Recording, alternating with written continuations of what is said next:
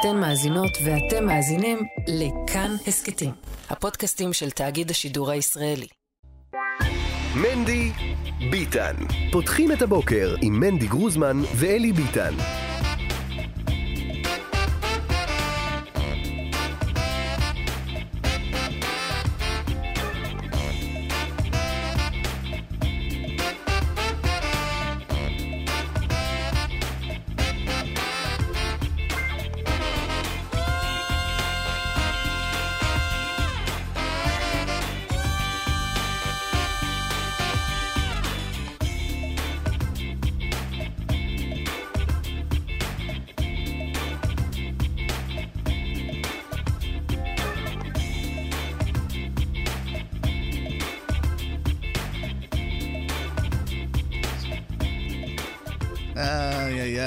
נפתח לו המיקרופון. אסף, כפרה. בוקר טוב, שלום. יום. אה, רביעי בשבוע. בהחלט. שלום, שלום, אנדי גרוזמן. שלום אלי ביטן. מה שלומך? ברוך השם, כ' כסלו זה עדיין חג. זהו, אני הבנתי את זה אה, שבעצם אה, החג שמח שמאחלים לחסידים, אה, מהמם. לחב"דניקים, אה, ביד כסלו, בכלל צריך לאחל אותו בכף כסלו, כי בסופו של דבר, מתי הפברייגן ההתוועדות? ביד כסלו בערב. נכון, ואז בכף כסלו הם, הם, הם, הם, הם בחגיגה עצמה. נכון.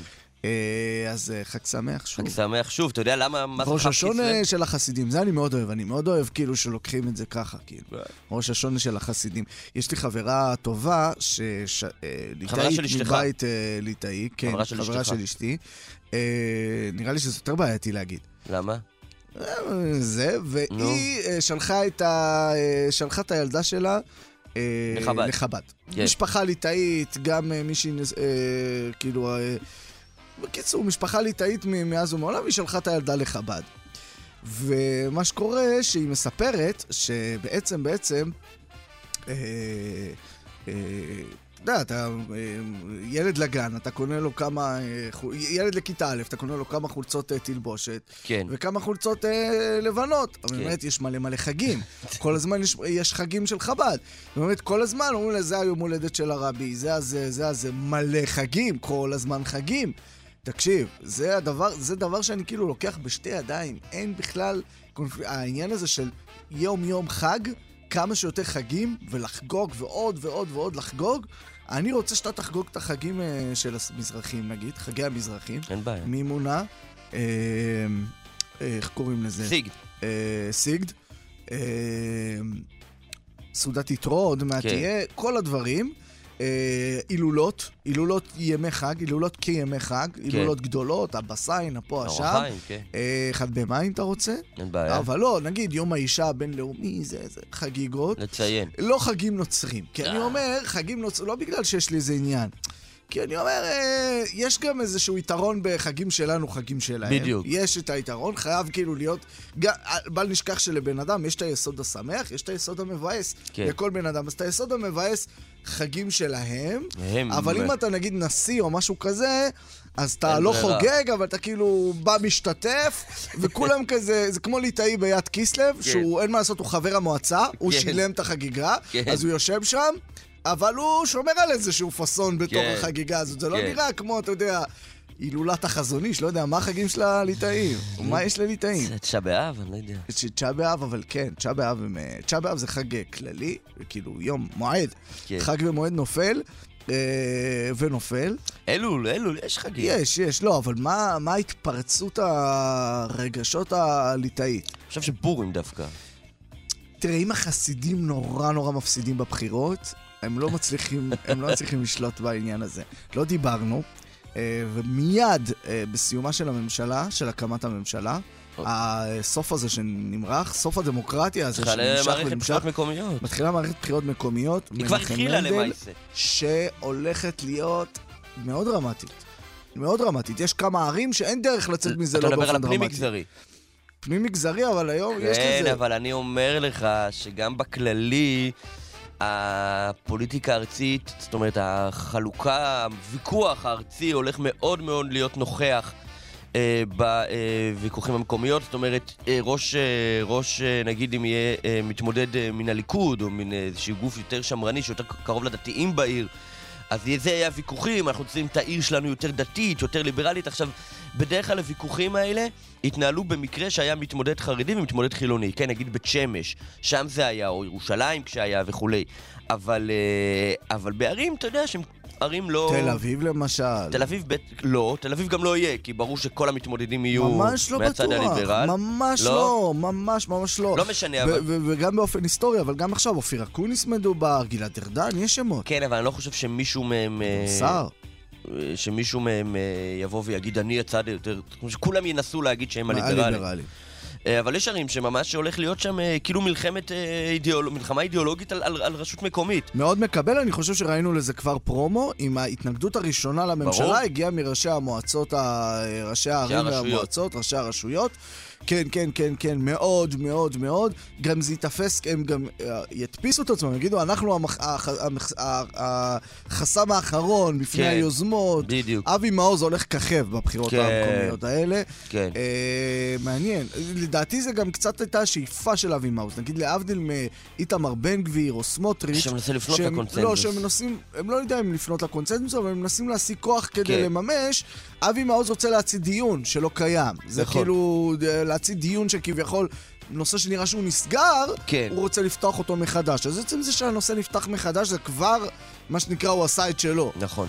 אה, בהחלט, אה, בהחלט, בהחלט, בהחלט, בהחלט. טוב, מני ביטן כאן מורשת, שלום לכם, בוקר. טוב. כאן מורשת. אה, על העריכה נתנאל יאנו ורסייה בעדו גיא מחבוש, ועל הביצוע הטכני אסף מוסקוביץ'. אה, טוב, אתמול אה, סוף סוף סוף הקואליציה המתגבשת הצליחה להחליף, אה, החליטה להחליף את יושב ראש הכנסת. מיקי לוי הוחלף ביריב לוין, ככל הנראה זה מינוי זמני, במידה והוא יקבל שר. נשא דברים שם. והתחילו כבר לגלגל את החקיקה של חוק דרעי, חוק, ש... החוק שיאפשר לדרעי להתמנות לשר, זה עבר אתמול בטרומית. זה מתחיל לקרות, אנחנו נקבל דיווחים מאנה ברסקי, כתבת פוליטית מעריב. מיד לאחריה נדבר עם חבר הכנסת שמחה רוטמן מהציונות הדתית. וגם אנחנו אה, נדבר על אה, כמה וכמה וכמה אה, עניינים שעומדים באמת על מערכת המשפט. אה, וגם נדבר על פריצת דרך בהיתוך גרעיני. מה זה אומר? או, חכה, חכה. שעה הבאה אנחנו מכירים את השעה אה, השנייה של יום רביעי של מדי ביטן, השעה החגיגית, רב, ומוזיקה עם, אה, מוזיקה תנ"ש עם דבורה קיטיס גוטמן, וחדשות הנאה של המזרוחניקים עם דביר עמר. תוכנית עמוסה וקדושה אה, לפנינו. אה, אתם יכולים להאזין לנו ב-90.5, 90.8, 92.5 ו-100.7 FM ב-AM 1458. ניתן להאזין לנו גם באפליקציית כאן. מורידים אותה ובתוכה בוחרים כאן מורשת, או באתר האינטרנט של כאן מורשת. רושמים בגוגל כאן מורשת, תוצאה ראשונה זה... אנחנו. מספר ל-SMSים, לא בנהיגה, 055-966-3991, 055-966-3991. אנה איתנו? אנה איתנו. שלום, אנה ברסקי. שלום שלום, בוקר טוב. בוקר טוב, כתבת אה, ופרשנית פוליטית אה, מעריב. טוב, העסק התחיל להתגלגל אתמול, אה, שמו את יריב לוין יו"ר כנסת. מה, מה עכשיו עוד? מה התחנות הבאות? בעיקר המון עבודה פרלמנטרית, הזמן קצר יחסית, נשאר להם שבוע עד תום מנדט כולל אורכה, וארבע חוקים שהם נחושים להעביר בטרום הקמת הממשלה, בעצם אה, בתוך אותם ארבעת החוקים, שלושה חוקים אה, הם אה, אה, מרכיב ההכרחי אה, להקמת הממשלה עצמה. חוק דרעי, אה, מה, ש, מה שנקרא חוק דרעי, כן, חוק, תיקון חוק יסוד הממשלה, שאמור לסלול את דרכו של דרעי אה, לכהונה כשר, וגם אה, חוק פקודת המשטרה עבור בן גביר, אה, גם חוק נוסף שיעניק סמכויות לשר בתוך משרד הביטחון עבור סמוטריץ', וגם חוק שהוא בעצם כבר לא דרישה קואליציונית של השותפים, אלא דרישה של נתניהו עצמו להחזיר את המצב לקדמותו בנוגע לחוק שעד עכשיו מאפשר אה, לארבעת הח"כים בתוך סיעה להתפצל אה, בלי שום סנקציות, כן. ולהחזיר בעצם את המצב למורכב יותר עבור, עבור אלה שאולי קצת קורצים אה, למחוזות אחרים, ובעצם ככה לאותת לאותם אה, גורמים אה, שמסומנים כבעייתיים בתוך הליכוד, שזה לא יהיה קל כל כך. זהו, אז זה מעניין שנתניהו באמת חושש. ממי הרביעייה שהוא חושש ממנה? אה, תראה, לא שהוא חושש אה, ממרד מיידי או אה, מפעולה כזו או אחרת, ברור שהאווירה בליכוד היא מתוחה מאוד, ומעבר לאותה קבוצה של, שמדברים עליה בלי סוף, יש ישראל כץ ודודי אמסלם וביטן, ומדי פעם לא אלי ביטן, דוד ביטן כמובן. דוד ביטן, לא כן. לא אותה עדה בכלל, כן. בשלב הזה, כן, מדבר על דוד ביטן, גם מדי פעם מוסיפים את שמו של דני דנון, אבל אה, שוב, כן, זה לא עניין של אה, חשש ממרד אה, מהיום למחר, זה יותר לאותת אולי למורדים פוטנציאליים, כי אני מניחה שאפילו אם נתניהו ירכיב את הפאזל המיניסטריאלי כך שהוא קצת ירגיע את הרוחות וירצה את מי שממורמר, עדיין האווירה בתוך סיעה תמיד אה, תהיה עם פוטנציאל לפיצוץ כזה ואחר. כן. אה, נתניהו רוצה להקדים תקופה למכה. כן, יפה. טוב, עכשיו, מה שמעניין זה שהשותפות אה, בעצם מתעקשות להעביר את שלל החוקים האלה עוד לפני כינונה של הממשלה, נכון? זאת אומרת, נכון. גם דרעי וגם בן גביר. נכון מאוד, וזה גם מאוד הגיוני. אה, לא מפני, כלומר, לא רק מפני שלא קיים אמון מלא בין השותפים. במקרה של דרעי, בעצם אה, הוא אומר לנתניהו דבר מאוד פשוט. אה, לא יקום ולא יהיה מצב שפתאום קמה ממשלה ואני נותן אשראי לסוגיה המשפטית שלי, ופתאום מתברר שבאמת יש קושי ואני לא מכהן כשר, וכבר נתתי אור ירוק להקמת הממשלה, ואיכשהו אני נשאר... כן. מאחור, זה לא קורה. דרך אגב, אני חושבת שזה קצת מבוסס על תקדים של ליברמן, אם אתם זוכרים בזמנו, ליברמן שהיה שר חוץ, ונאלץ להתמודד במשפט שלו, אז בעצם הוא הוריד את סמכויות השר, עבר. להיות יו"ר ועדת החוץ וביטחון בכנסת, אבל סיכם עם נתניהו שאם וכאשר המשפט מסתיים בשלום, כמו, כמו שזה באמת קרה, הוא חוזר למשרד החוץ. דרעי לא רוצה להסתכן בזה, אני חושבת חושבת, מניחה, כן, למרות כן. שדרעי ונתניהו הם השותפים הכי קרובים בתוך הממשלה, אה, גם כאן אה, יש, אתה יודע, גבול של אמון בין פוליטיקאים, אז דרעי מעדיף ככה לא לקחת סיכון, וקודם כל לפתור אה, לצמיתות בעצם, כן, את השאלה המשפטית, ולאחר מכן בעצם להיות שר ושותף מלא בממשלה, ולא uh, להיות במתח, כן? Uh, בקשר לבן גביר וסמכויות כן. שלו בתוך המשטרה, זו, זו דרישה קואליציונית, ובן גביר, אני חושבת, טוען מאוד מאוד הגיוני, כי אם זה לא יהיה לא יהיה מקובל בחוק, מאוד ייתכן שזה גם לא יקרה. כן. והיו מקרים בעבר, כי אפילו סעיפים בהסכמים קואליציוניים לא מומשו לעולם. לכן גם בן גביר שם תנאי ברור מאוד, כן, עכשיו... או שזה עובר וכמה ממשלה או שלא תקום. אוקיי, אז אם אנחנו מדברים על לוחות זמנים, מה התרחיש הריאלי? מתי תקום הממשלה? אה, תראו, אם הכל אה, ילך כשורה, ובעצם אני חושבת שזה כן אה, יתגלגל וילך כשורה, למרות שאם האופוזיציה תחזור לשיטת הפיליבסטרים זה באמת יהיה קשה ולילות לבנים, אבל בסופו של דבר, תוך שבוע כלומר עד שבוע הבא, הם מאמינים שהם יעבירו סופית את כל החוקים. הוקמו שתי ועדות יהודיות, שמכינות את החוקים לקריאות הבאות, וכך בעצם בשבוע הבא תושלם העבודה הפרלמנטרית, כלומר הבסיס המשפטי החוקתי להקמת הממשלה יהיה אה, מוכן. במקביל, יש בעצם עלילה מקבילה, כן? יש אה, משא ומתן קואליציוני, וזה עדיין, אה, טוב, זה די מתכנס לשלבי סיום, אפשר להבין. גם אתמול ישבו שעות ארוכות אנשי יהדות התורה עם הליכוד, דיברו על דרישות שעוד נותרו אה, בלי סיכומים סופיים, אני קצת תוהה אם באמת אנחנו כן נראה סיכומים סופיים, כי הדרישות אה, מרובות ויש אה, כל יום אני שומעת על עוד סעיף, על עוד דרישה שהמפלגות מבקשות להכניס אל תוך ההסכמים הקואליציוניים. בסופו של דבר אני חושבת שהשיטה של הליכוד בעצם למרוח את זה ולא כן. להסכים מיד, ויכול להיות שאתם יודעים, זה קצת יתהדר. את יודעת, אנחנו, אנחנו, אני רוצה כאילו עוד ספוט על העניין הזה, כי אנחנו גם uh, שמענו, דווחנו על פגישת יריב לוין-נתניהו, ואנחנו שומעים עוד דברים מצד אנשים בסביבת נתניהו, uh, ורואים גם את ההתגבשות של ההסכמים עם יהדות התורה. יכול להיות שה... החלום הימני על פסקת התגברות, על ה-D9 על בית המשפט העליון, נתניהו לא ייתן לזה לקרות? זה בעצם מה שאנחנו מבינים? הוא דוחה, ממסמס את התקווה הזו לפסקת ההתגברות בימין? תראו, זה לא שכולם רוצים אה, לראות את פסקת ההתגברות עוברת ומאושרת בכנסת ונתניהו ממש לא, אלא אני חושבת שזה יותר ויכוח על השיטה וללוח הזמנים.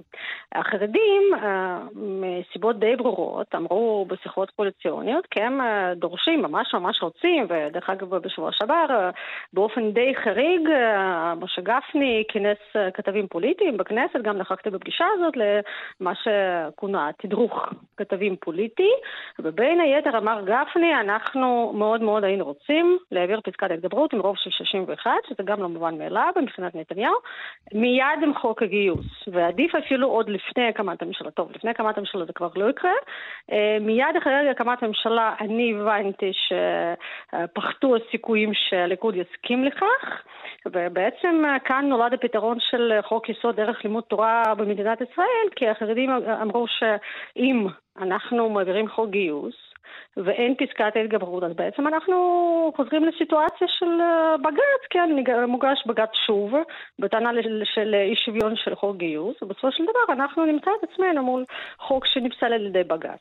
אז הפתרון הוא לחוקק חוק יסוד ערך לימוד תורה, ובכך הם מאמינים שאם וכאשר, ורוב הסיכויים שזה יקרה, יוגש בג"ץ שוב נגד חוק גיוס, החוק היסוד הזה בעצם הוא יגבה אותו, כן? כל עוד אין פסקת כן. ההתגברות. באשר לפסקת ההתגברות עצמה, אני חושבת שנתניהו, והוא דרך אגב במהלך קמפיין הבחירות הוא אפילו התבטא את זה בקולו, הוא אמר שהוא רוצה לבצע רפורמות במערכת המשפט, אבל לא במחטף, לא למחרת הקמת הממשלה, אלא ציטוט אה, מתוך שיח המערכת המשפט, כך שאני חושבת שהנושא הזה כן יעלה, אבל לא כל כך מהר. אנה ברסקי, כתבת אה, פוליטית אה, מעריב, תודה. תודה חברים, להתראות. בוקר טוב. מנדי ביטן 055-966-3991, תגיבו לנו uh, על uh, מה ששמעתם ועל מה שתשמעו. שלום ובוקר טוב לחבר הכנסת שמחה רוטמן, הציונות הדתית. שלום וברכה, בוקר טוב. אה, כבר נאמר, אה, תכף נדבר על פסקת ההתגברות והשינויים במערכת המשפט, מה שנקרא התיק שלך בעינינו, בשבילנו, אבל אה, נאמר לא, לנו... גם בשבילי, זה בסדר. מה, מה? גם בשבילי לא, זה בסדר. לא, אני אומר, יהיו אחרים בקואליציה שיגידו זה שלנו. בשבילנו זה שלך. רוטמן, אתה עוד, עוד, עוד לפני הרבה הפוזיציה של חבר כנסת, אצלנו היית על המשבצת הזו. ברור. כאן. במנדי ביטן. אני רוצה רגע אבל לשאול שנייה, מה שנקרא, קודם על הברזלים לפני, ה, לפני הבטון. ולפני הזה. נאמר כבר, אה, הודיע לך אה, בצלאל סמוטריץ' שוועדת חוקה תהיה בראשותך, ואז מה, פתאום אה, בעוצמה יהודית מבקשים אותה? אני לא מכיר, אה, לא מכיר אה, אה, דיבורים שכאלה, אבל אני לא, אני חייב לומר, כל, אה, אני, אני לוקח מתוך אה, נקודת מוצא שאת כל... אה, מה שיוצא על המשא ומתן הקואליציוני, ולא משנה מצד מי זה יוצא, זה ל... לא, לא כל מה שיוצא אני מרוצה, אבל כל מה שיוצא מתוך חדרי המשא ומתן הקואליציוני זה ספין שמטרתו לשרת מישהו. לכן אני, אני לוקח אפילו כמישהו שקרוב יותר למעגלי, יכול לברר את השמועות, אני אפילו, את רובן אפילו לא טורח לברר, כי אני מבין שמדובר בספינים. כן. טוב, אז, אה, אז, אז אפשר בינתיים להגיד יו"ר אה, ועדת חוקה מיועד. שלא לומר לא, יו"ר ועדת חוקה נבחר. לא נבחר, עדיין לא כן. הקמנו את הוועדות, כן, אבל... כן. לא, זה, זה נספח התפקידים, אה, נספח התפקידים הרי כבר נחתם על ידי כל הסיעות, אז מהבחינה הזאת, אה, שינויים בתפקידים אני מעריך שלא יהיו. טוב. אז אני רוצה אה, לדבר איתך על הסוגיה העקרונית הזו של פסקת ההתגברות ולפרוס רגע בפניך את המטריה. נראה שלכל אה, מפלגות הקואליציה המסתמנת חשוב אם להשתמש במילותיו של אבישי בן חיים, להחליש את מערכת המשפט. אה, לא יודע אם לא, ראית את הקטע לא. הזה, איילה חסון אומרת לו, אל תגיד להחליש, אבל אה, בוא נגיד שלחרדים יש להם את, את העניין הזה של חוק הגיוס, אה, לעוצמה יהודית יש את החשבונות שלה, לציונות הדתית בטח, ואפילו לליכוד, ונתניהו, כך זה נראה לנו בשבועות האחרונים, רוצה אולי, רוצה לעצמו את תפקיד הגורם הממתן, הגורם המרגיע, הגורם המאט, ויהיו שיאמרו, אה, בטח אנשי ימין ותיקים, הגורם הממסמס. יש, יש לכם את החשש הזה בציונות הדתית, שנתניהו ימסמס שינויים שאולי אתם רציתם הרבה שנים ונתניהו לא רצה, והיום הוא ממשיך את אותה מדיניות. אני לא, אני לא, לגבי פרשנויות אה, על איך אה, נתניהו אה, הולך להתנהג בעתיד, אני מציע שתשאלו אותו. אבל לגבי... בטח, בריאיון מיד אחריך. אני, אני בטוח, אם אתם צריכים עזרה, אבל הוא מאזין, הוא כבר שומע, עכשיו הוא רוצה כן. לדעת מה, כן. אבל אני, אני, רוצה, אני רוצה לומר, אין, אין ספק שבעבר אה, חלק גדול מהרפורמות, כולל רפורמות שסוכמו, כולל רפורמות שסוכמו בהסכמים קואליציוניים, מוסמסו על ידי ממשלות הימין, צריך לומר את האמת, זה לא, אין פה, אה, אין פה חידושים. אה, פסקת התגברות, וזה אגב חלק מהצביעות בטענות של חלק מאנשי האופוזיציה המסתמנת. בטענות שלהם נגד המחטפים והמאבק המשפטי בהסכם הקואליציוני שנחתם אה, ב-2015, שאליו הצטרף מאוחר יותר גם ליברמן, והיו בו, ואלקין אה, רצה את זה, וכל זה, כל, היה פסקת התגברות ב-61, הופיעה בהסכמים הקואליציוניים, היא בסוף לא נחקקה, וזו הבעיה הגדולה. כלומר, הבעיה הגדולה, אנחנו עכשיו נמצאים במשא ומתן קואליציוני, וכולנו אה, אה, כועסים וצועקים ונלחצים על השאלה מה יהיה כתוב בהסכמים הקואליציוניים.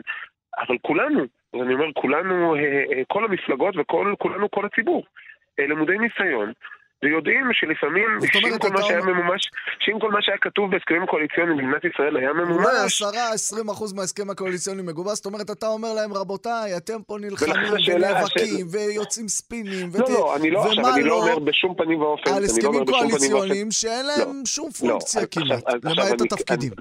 לא, אז יש להם פונקציה, רק פונקציה הפוכה. זאת אומרת, מה שבהסכם הקואליציוני, יש סיכוי שימומש. מה שלא בהסכם הקואליציוני, בוודאי כאשר מדובר בשינויים אה, אה, שהם מאוד מקיפים ויסודיים, הסיכוי שהוא ימומש הוא הרבה יותר קטן, בוודאי כשמדובר בחוקי יסוד. ולכן אני אומר, יש מאבק מאוד מאוד חשוב מה יהיה בהסכמים הקואליציוניים, אבל צריך לדעת שגם אחרי שייכנס להסכמים הקואליציוניים X, Y או Z, זה רק מתחיל. אז צריך לדאוג שההסכמים הקואליציוניים ימומשו, וזה העיקר וזה החשוב. כלומר, ש... כי מה שלא יהיה בהסכמים הקואליציוניים, הסיכוי שהוא ממש, הוא קטן עד אפסי. וזו הסכנה הגדולה. עכשיו בוא נדבר על העניין. ולכן כן. חשוב מאוד שרפורמות במערכת המשפט ייכנסו להסכמים הקואליציוניים, כדי שיהיה סיכוי שלפחות חלק מהם ימומש. אני לא רוצה, אני לא רוצה לגרור אותך, כן, אני לא רוצה לגרור אותך למקום של הרכילות, נגיד מה היה בשיחת אה, יריב לוין נתניהו. אבל אם אפשר בכל זאת. לא, מנדי, אבל, אבל אני אומר, בכל זאת, אה, זה נראה שיש uh, צד מסוים, שאני מניח שאתה uh, uh, שותף אליו, שרוצה חוק שפיטה, שרוצה את זה uh, מהיר ומשמעותי. מהיר ומשמעותי, גם uh, בנושא כן, הפרקליטות, אבל גם בנושא פסקת התגברות של 61.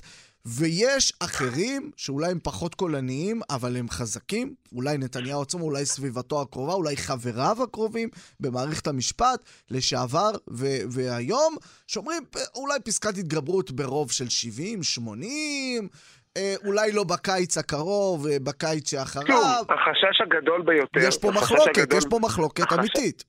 החשש, א', אני לא חושב שיש מחלוקת אמיתית בתוך מחנה הימין, אני חושב שיש מחלוקת אמיתית בתוך מחנה הימין בשאלה אם פסקת התגברות, שאתה קורא לה ברוב של 61, האם היא לא פתרון עדין מדי. אה, ואני מקבל מדי פעם התקפות שאומרים, מה פתאום פסקת התגברות של 61? 60 צריך שיהיה, שבית יהיה קביעה מפורשת, או רוב רגיל, או שיהיה קביעה מפורשת שבית משפט בשום פנים ואופן לא יכול לבטל חוק נקודה סוף פסוק, שזו גם דרישה סופר לגיטימית, וזה היה המצב במדינת ישראל עד 1995. כך, ש, כך שה... לא, אני לא ניכנס לוויכוח, אבל בית משפט ביטל חוקים גם לפני 95. המחלוקות הן כבר בתוך המחנה הלאומי, המחלוקות הן כבר מימין, הן לא משמאל. זאת אומרת, אני לא מכיר מישהו שהעלה דרישה שאמר בוא נעשה פסקת התגברות של 70, בוא נעשה פסקת התגברות של 80, לא מכיר מישהו כזה בתוך מחנה הימין. עכשיו אתה לא פייר. זה שהוא לא עושה את זה בתקשורת כי הוא לא מקבל על זה, אה, אה, הוא לא מקבל על זה מחיאות כפיים, זה לא אומר שזה לא מה שהוא חושב, ויש אנשים שחושבים את זה, ויש גם אנשים... לא- אמרתי שאני לא מכיר. אם יש אנשים כאלו מוזמנים, אני אני מאוד מאוד מאמין במדינה דמוקרטית, שמעמידים את העמדות שלך לרצון הציבור והם מצביעים ובוחרים. לכן גם הצגנו תוכנית משפטית בשם חוק וצדק, מפלגת הציונות הדתית הציגה לפני הבחירות, מאוד מאוד מפורטת, כדי שאנשים יראו מה אנחנו רוצים לעשות. אבל אני אגיד לך מתוך... מה הציבור אומר. הציבור אומר, אם שמחה רוטמן אומר אין מחלוקת בימין, אז הוא קצת עוזר למסמס, כי, כי, כי מי שיושב בחדרי לא, המשא ומתן, אמרתי... למשל, אני אגיד לך משהו שאני יודע, למשל, נתניהו בא לחרדים ואומר להם, תקשיבו, לא דחוף פסקת ההתגברות, מה דחוף לכם? חוק הגיוס? אני אדאג לכם לחוק יסוד לימוד תורה. לא מדבר, אז עכשיו, שוב, אני לא יודע את זה, אבל אתה עכשיו אומר את זה, בסדר גמור, בוא נתייחס למה שאתה אמרת. האמירה הזאת לא אומרת שאני רוצה פסקת התגברות של 80. הוא אומר, זה לא, אנחנו לא רוצים להעביר את זה עכשיו. אני חושב שזו טעות, אני חושב שזה לא נכון, אני חושב שחייבים להעביר פסקת התגברות, אחד הדברים הראשונים שהקואליציה הזאת צריכה להעביר כשאתה אומר זה לא משקף מחלוקת, זה עניין טכני. אז אני אומר, זה יכול להיות משקף, כמו שאתה חושב, חשש ממסמוס, זה יכול להיות משקף לא חשש, חשש... אולי, אולי, אולי זה טוב המסמוס, לא יודע מה זה חשש. אולי רצון במסמוס, כן. אולי רצון, אולי רצון בהסדר יותר ארוך, הכל נכון, אבל אני אומר שאני חושב שמדובר בטעות, אני חושב שצריך, פסקת התגברות צריכה להיות אה, דבר, אחד מהדברים הראשונים שהקואליציה הזאת עושה, ולא רק בגלל חוק הגיוס, חוק הגיוס הוא ודאי דוגמה אולי הכי בוערת והכי חשובה והכי מוכרת. לחרדים, אה, כן. לחרדים ולכולם, כי בסופו של דבר זה, זה חרדים הם חלק גדול מהקואליציה. כן. אבל, כן. ואגב, וזה לא רק, חלק, גם, גם, גם ישיבות דתיות לאומיות, יש דחיות, דחיות גיוס, שגם הן תלויות בחוק גיוס.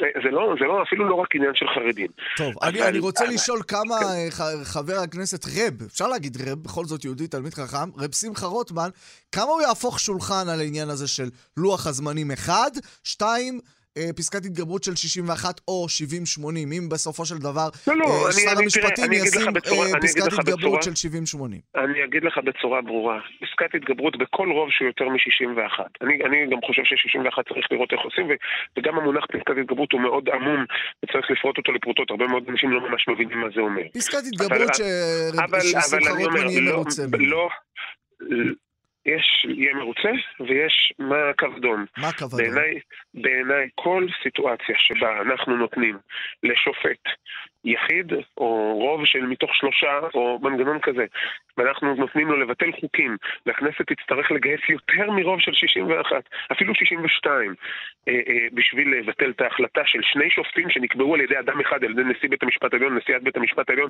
יחליטו הרכב, יהיה שם רוב של שתיים נגד אחד, יבטלו חוק, ובשביל להתגבר על אותם שני שופטים שנקבעו על ידי אדם אחד, אם יצטרכו בשביל להתגבר על אותו רוב. בשום פנים ואופן לא. זה קו או, אדום. או, זה קו אדום, זה קו אדום. בשום פנים ואופן לא. לא, אין לזה לא דמוקרטית. רק חצי תאוותי בידי, חבר הכנסת שמחה רוטמן. אין לזה שום הצדקה דמוקרטית. מי שירים את היד עוד רגע נדבר על הצדקות דמוקרטיות, אבל קיבלתי חצי תאווה, רק חצי תשובה קיבלתי. מה, מה רצית? אה, אני בשבילך היום, מה רצית? אה, לא, תגיד את התשובה, והוא יקריא אותה. החצי הראשון שאתה אומר בדיוק מה הגרסה שאתה רוצה, הבנתי אותו. החצי השני הוא לוח הזמנים. אם יגידו לך, בסדר, רב שמחה, מה שאתם רוצים, עוד שנה וחצי. רק יעביר תקציב דו-שנתי, עוד שנה וחצי, כמה על זה יהפוך שמחה רוטמן את השולחן? לוח זמנים זה עניין של... שאמור להיסגר, אני מניח, בהסכם הקואליציוני, ולכן אני לא אתייחס אליו. אבל, לא אתייחס אליו לטוב או לרע. כן. אבל לגבי המהות, זה דבר שאני יכול להגיד בצורה מאוד ברורה, וברמה אפילו די קיצונית. היד שלי לא תורם, ואני לא אעשה שום דבר בשביל לקדם פסקת התגברות ברוב של יותר מ-61. לא יהיה בשום פנים ואופן. וגם 61, הסברתי, גם 61 זאת תקלה בעיניי. אבל אני רק אומר לא שלפעמים זמנים, נכון. נגיד לגבי שבת, לפעמים הזמנים זה עניין של מהות, כן? אם בן אדם יגיד, אני, אני מהותית, אני שומר שבת, אבל אני מכניס אותה ב-10 בלילה, אז הוא לא שומר שבת. גם הזמנים, לפעמים זו שאלה של מהות, אבל אתה אומר, אוקיי... אז אני מסכים איתך שזו שאלה חשובה, ולכן זה עניין המשא ומתן קוליציוני. לא אמרתי לך שזו לא שאלה חשובה, אבל אמרתי שאלה אני לא מתייחס. אני רוצה קצת לפנק את כבודו. מילה אולי באמת, ובואו נחפש רגע את האמפתיה אה, של חבר הכנסת שמחה רוטמן. באופוזיציה, אבל עזוב באופוזיציה, זה לא עניין של חברי כנסת. חלק גדול בחברה הישראלית אנשים ששירתו איתך באותן יחידות, שנמצאים, אתה יודע, באותו, אה, באותו מיליה של שומרי חוק והכל. אבל לא, אנשים שאתה יודע, נמצאים שם, אה, ישראלים, שורשיים, שפה, הרבה מאוד מהם, אחוזי אימה. מהנושא הזה של פסקת ההתגברות ונושא המאבק שלכם במערכת המשפט, וזה פחד. מה אתה אומר להם חוץ מניצחנו, אה, קפצו לנו, כמו שהיו מי שכתבו? אני לא מכיר הרבה אנשים שאחוזים פחד מפסקת אני מכיר, אני מכיר. לא, שמחה, אני מכיר אנשים במעגל הכי לא, קרוב אליי. לא אמרתי שאין, לא כן. אמרתי שאין, אמרתי שאני לא מכיר הרבה. אני מציע להם דבר ראשון, הצעה שאני בדרך כלל מציע למי שאחוז פחד ואימה כאשר הימין עולה לשלטון, לצרוך קצת פחות תקשורת, כמובן חוץ מערוץ מכאן מורשת. כאן מורשת, רק כאן מורשת. לצרוך כמה שפחות תקשורת, מאחר והתבהלה שגם הפוליטיקאים משמאל וגם כלי התקשורת משמאל מייצרים, אה, אה, זה פשוט חוזר על עצמו, זה כבר מביך. ראיתי עכשיו, ראיתי עכשיו אחד מ... אה, עוד משהו של כאן, לכן מותר לי לדבר עליו כמובן אצלכם, אצל גיא. אה, אה, שהראו את אה, נבואות הזעם והאימה כשזבולון המר קיבל להיות שר חינוך, ואחר כך נפתלי בנט, ועכשיו אבי מעוז. זאת אומרת, מבחינתם, לא, שהוא שר קיבל, חינוך, של- כן. שלא, אני אומר, שקיבל תפקיד של נגיע בחינוך. בשנייה שמישהו דתי ימני מגיע לחינוך, כל הצרחות שעוד שנייה מחזירים את כולם בתשובה. עכשיו, או, שהם, או שכנראה אנחנו גרועים מאוד בלהחזיר אנשים בתשובה, מה שיכול להיות, או שמדובר בפחד ותבהלה שמייצרים אנשים שמה שבסופו של דבר מניע אותם זה שנאת דת, או שנאת הימין, או שנאת האחר, אה, הכל חוץ, הכל חוץ מתפיסות דמוקרטיות שבאות ואומרות, חבר'ה, במדינה דמוקרטית הכל בסדר, מתחלף שלטון בדרכי שלום, והוא יכול לממש את המדיניות שלו, ולא מחר בבוקר הולכים לעשות אה, אה, להצמיד לכולם כיסוי ראש, כמו שההפחדות לא, לא, ששוב, לא, לא, לא, ההפחדות לא, לא, לא, האלו. באות- מהפוליטיקאים. חסרי האחריות. לא, לא. זה- בא מלמעלה, אסור אתה להתעלם מזה. אתה מקצין לא, אה, ועושה לא איזושהי לא גרוטסקיות. של לא רגשות של אנשים. רגע, אני אתן לך נכון, דוגמה, אני אתן לך דוגמה, אני אתן לך דוגמה, אוקיי. רק שנייה, שנייה, תן לי לסיים את המשפט. הרגשות של האנשים האלו מונעים מאדם כמו רם בן ברק מיש עתיד שאומר שלכל הקרניות הולכים לשים כיסוי ראש. לא, אתם זה לא נכון, זה לא נכון. הרגשות של. אנשים. לא מונעים מפוליטיקאים, הרגשות של אנשים מונעים, יש להם עמדות ויש להם צורת חיים מסוימת. מאיפה הם ויש יודעים-. מאיפה הם לא יודעים ברק. להם את המציאות? תגיד, הימין ימין בגלל שמחה רוטמן? באמת אתה חושב לא, שהימין ימין בגלל שמחה? אז גם השמאל הוא שמאל בגלל רם בן ברק. אני שואל אותך, מי מתווך? מי מתווך? כן, אני בהחלט חושב שאתה כאיש תקשורת ואני כאיש ציבור, יש לנו אחריות על תיווך המציאות לאנשים שמקשיבים לנו וסומכים עלינו. אם אני עכשיו... אבל תן קרדיט- אלך- קצת קרדיט לאנשים, שהם לא אני פשוט שמעו את רם בן ברק ואמרו, אני אוקיי, נותן המון זה... קרדיט זה." לאנשים, אני נותן המון קרדיט לאנשים, אבל כשמישהו שהרבה מאוד אנשים בחרו בו, תהרוג אותי אם אני מבין למה, להיות ראש ממשלה, כמו יאיר לפיד, אומר להם שאנחנו הולכים להיות איראן, אז הם אומרים, וואלה, הוא יודע אולי משהו שאנחנו לא יודעים, אולי אז- אנחנו באמת אז הולכים אני להיות חושב איראן. שלא לתת קרדיט לאנשים, כי אני חושב שהתהליך הוא הפוך. הרבה מאוד אנשים באים ליאיר לפיד ואומרים לו, למה אתה לא לא, מספיק אז אומר איראן, לא, אז ואז אה, לא. זה נוצר. טוב, אז אתה גם לא, לא מכיר אנשים, אתה גם. אומר, אני לא מכיר אנשים שמפחדים. לא, אני אומר לך יותר מזה. אם אני עכשיו אסתובב, אם אני עכשיו אסתובב מתחנה לתחנה, מתחנה לתחנה, מאולפן לאולפן, ואגיד לך ש, אה, שהתוכנית הסודית של אה, מפלגת מרצ, אני יכול לדבר עליה כי הם לא עברו את אחוז החסימה, היא, היא להסתובב עם, עם, אה, עם M16 ברחובות ולהרוג אנשים בעלי חזות דתית. וזה מה שאני, אני וכל האנשים שסביבי, בסוף צריך להאמין בזה. זה תעמולה עובדת. תעמולה עובדת, את זה גילו כולם. גם שקרים הכי גדולים, אתה חוזר עליהם מספיק פעמים, תעמולה עובדת. אנשים חושבים שבישראל אה, הורגת פלסטינאים תמימים. למה? כי יש שקר שחזרו עליו מספיק, וזה לא נובע מאמת, זה נובע מתעמולה.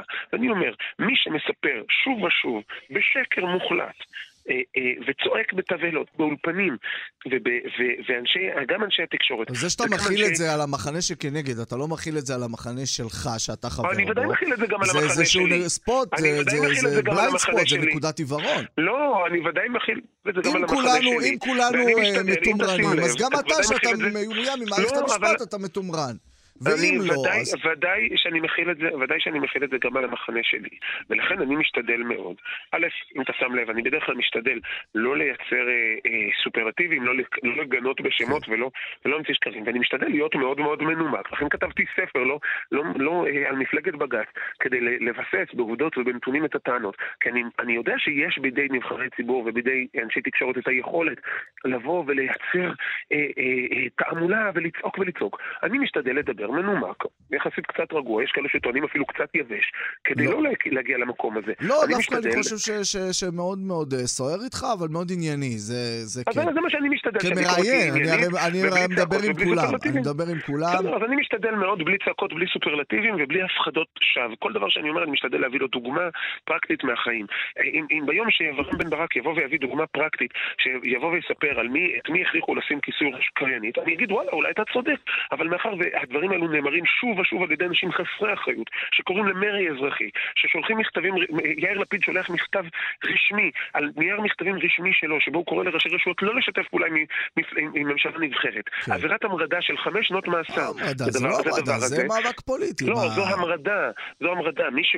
מי שקורא לראשי רשויות לא לשתף פעולה עם משרד ממשלתי בגלל שעומד בראשו אדם מסוים, זו המרדה. אם לא, לא, לא, לא, לא, זה מדיניות מאבק פוליטי, ואני הייתי לא, מצפה לא. ממך לעשות הפוך, לא, אם האינטרסים לא, של הבוחרים ממש, שלך היו ממש. מאוימים. ממש, ממש לא.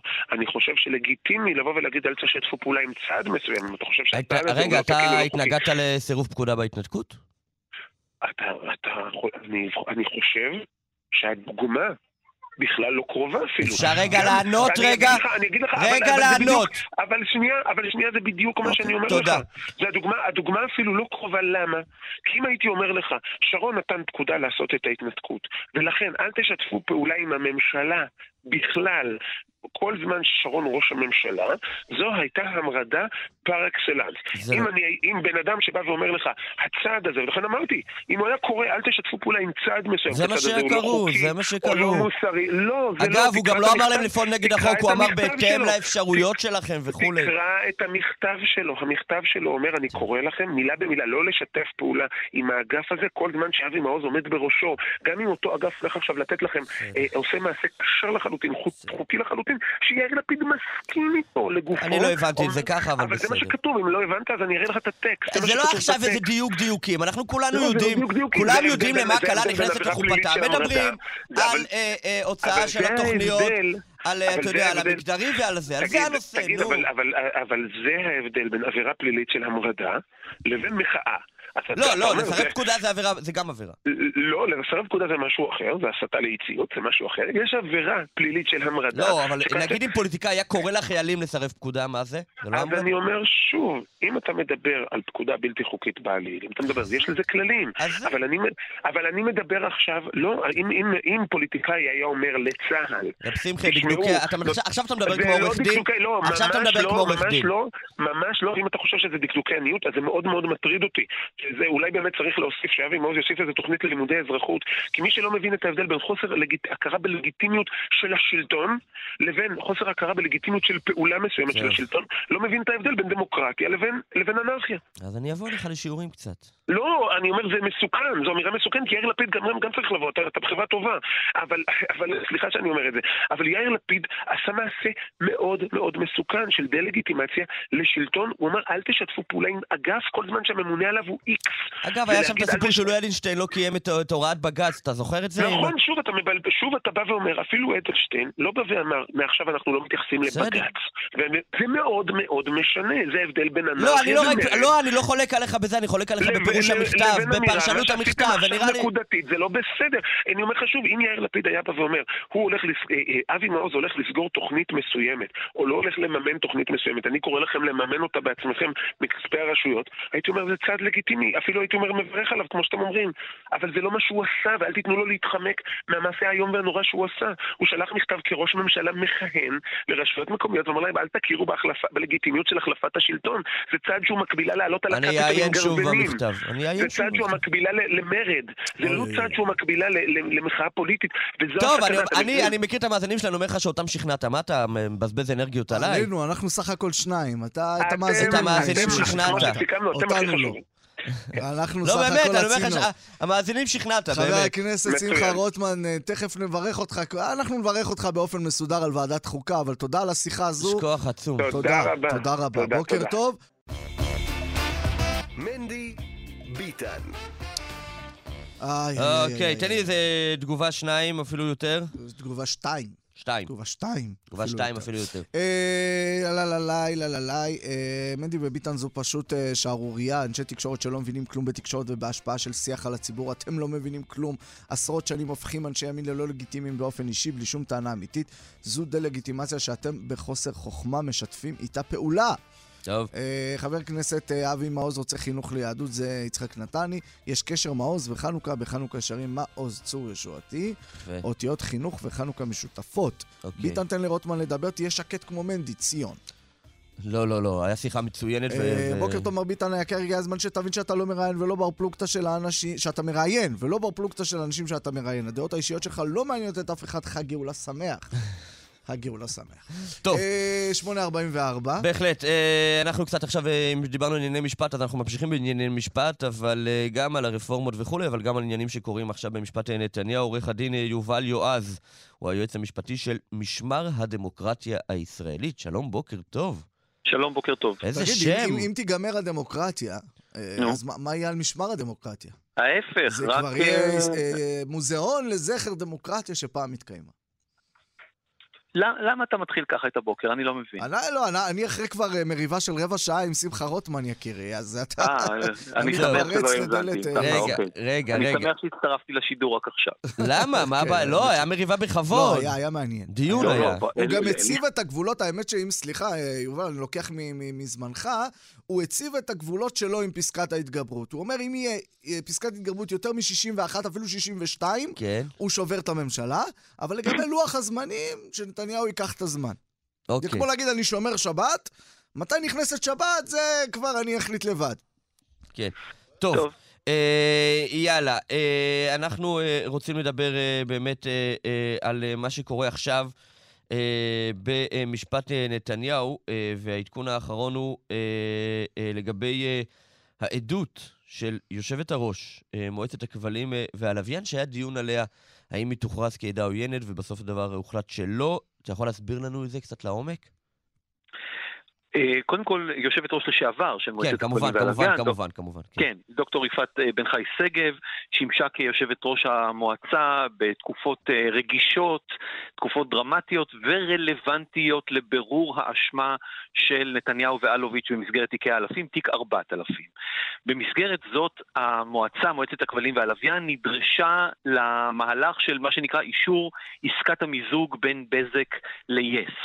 אה, עסקה שהייתה, אה, באינטר... כמו שאנחנו כולנו כבר יודעים, אה, ב- באינטרס גדול מאוד וחזק מאוד של שאול אלוביץ', וחלק מתוך המהלכים שבהם בעצם מואשם בנימין נתניהו שפעל כשר התקשורת באמצעות אה, שלמה פילבר, שהיה מנכ"ל משרד התקשורת ושימש כזרועו הארוכה, כדי לסייע לאלוביץ'. והחלק הרלוונטי לבירור האשמה הפלילית של נתניהו ושל אלוביץ' במסגרת תיק 4000, כפי שהוא בא לידי ביטוי בעדות של עדת התביעה, אה, יפעת בן חי שגב, הוא כדי לברר, לראות גם מהזווית הזו את הלחצים שהפעיל משרד התקשורת, כלומר נתניהו באמצעות פילבר, על מועצת הכבלים והלוויין לפעול לאישור עסקת בזק יס.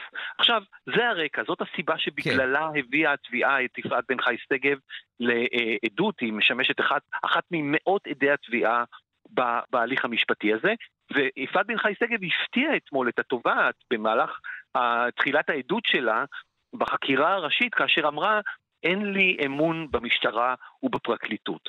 אה, כאשר היא הוסיפה כל מיני פרטים, אה, שנוג... שנגעו לחיכוכים בינה לבין מי ששימש מנכ"ל משרד התקשורת לפני שלמה פילבר, אבי ברגר, ועל התנהלות כביכול לא תקינה של אבי ברגר כלפיה, כלפי מועצת הכבלים והלוויין, בשלב שלפני את, את תחילת כהונתו של פילבר במשרד התקשורת, והדברים הללו הפתיעו את התובעת יהודית תירוש, ולכן אה, בעצם נוצר, נוצרה איזה מין דרמה, כן, כאשר עדת תביעה מפתיעה את אה, אה, התובעת, אה, זה אומר שהיא כנראה אומרת דברים שלא לחלוטין תואמים את מה שאמרה בעדותה במשטרה ואת מה Mm. שאמרה ברענון. העדות במשטרה כבר הייתה לפני כמה שנים, אבל הרענון לקראת העדות בבית המשפט, הרענון במשרדי הפרקליטות נעשה רק בשבועות האחרונים.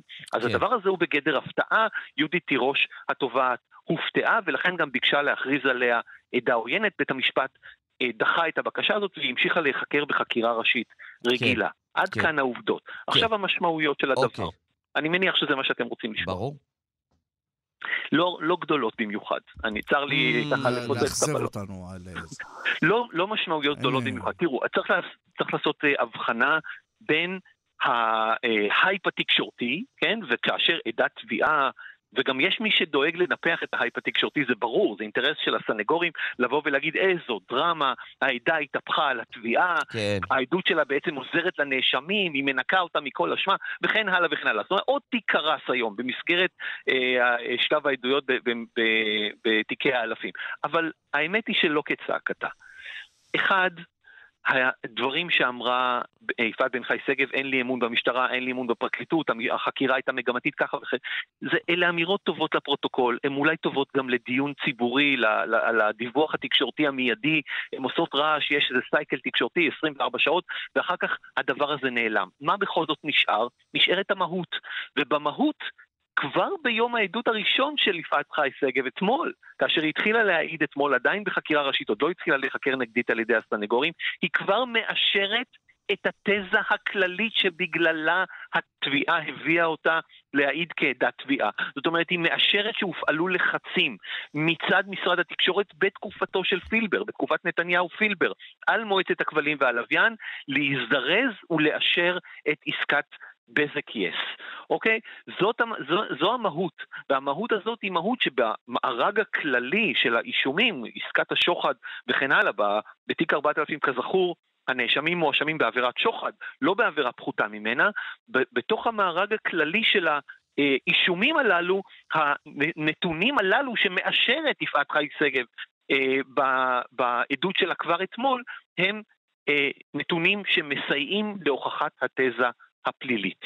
ולכן זה מה שיישאר, זאת המהות ש, שתישאר ואני אומר את כל הדברים הללו עם כוכבית, כי מכיוון שעדיין מדובר בעדות ראשית, היא עדיין נשאלת שאלות על ידי התביעה, ויכול להיות שבשלב החקירה הנגדית, אה, כמקובל, עדים אה, פתאום אה, מוציאים מעצמם דברים אחרים, אם כי במקרה הזה, את הדברים האחרים היא אמרה כבר לתובעת עצמה. עורך הדין יובל יועז, משמר הדמוקרטיה הישראלית, הרבה תודה. תודה. בשמחה רבה. תמשיכו לשמור על מה, מה שנותר. נעשה כל מאמץ. תודה, בוקר טוב. זה לא היה ציני, אבל uh, כולם חושבים שזה ציני. לא, לא, ממש לא. 8.51 ממשיכים.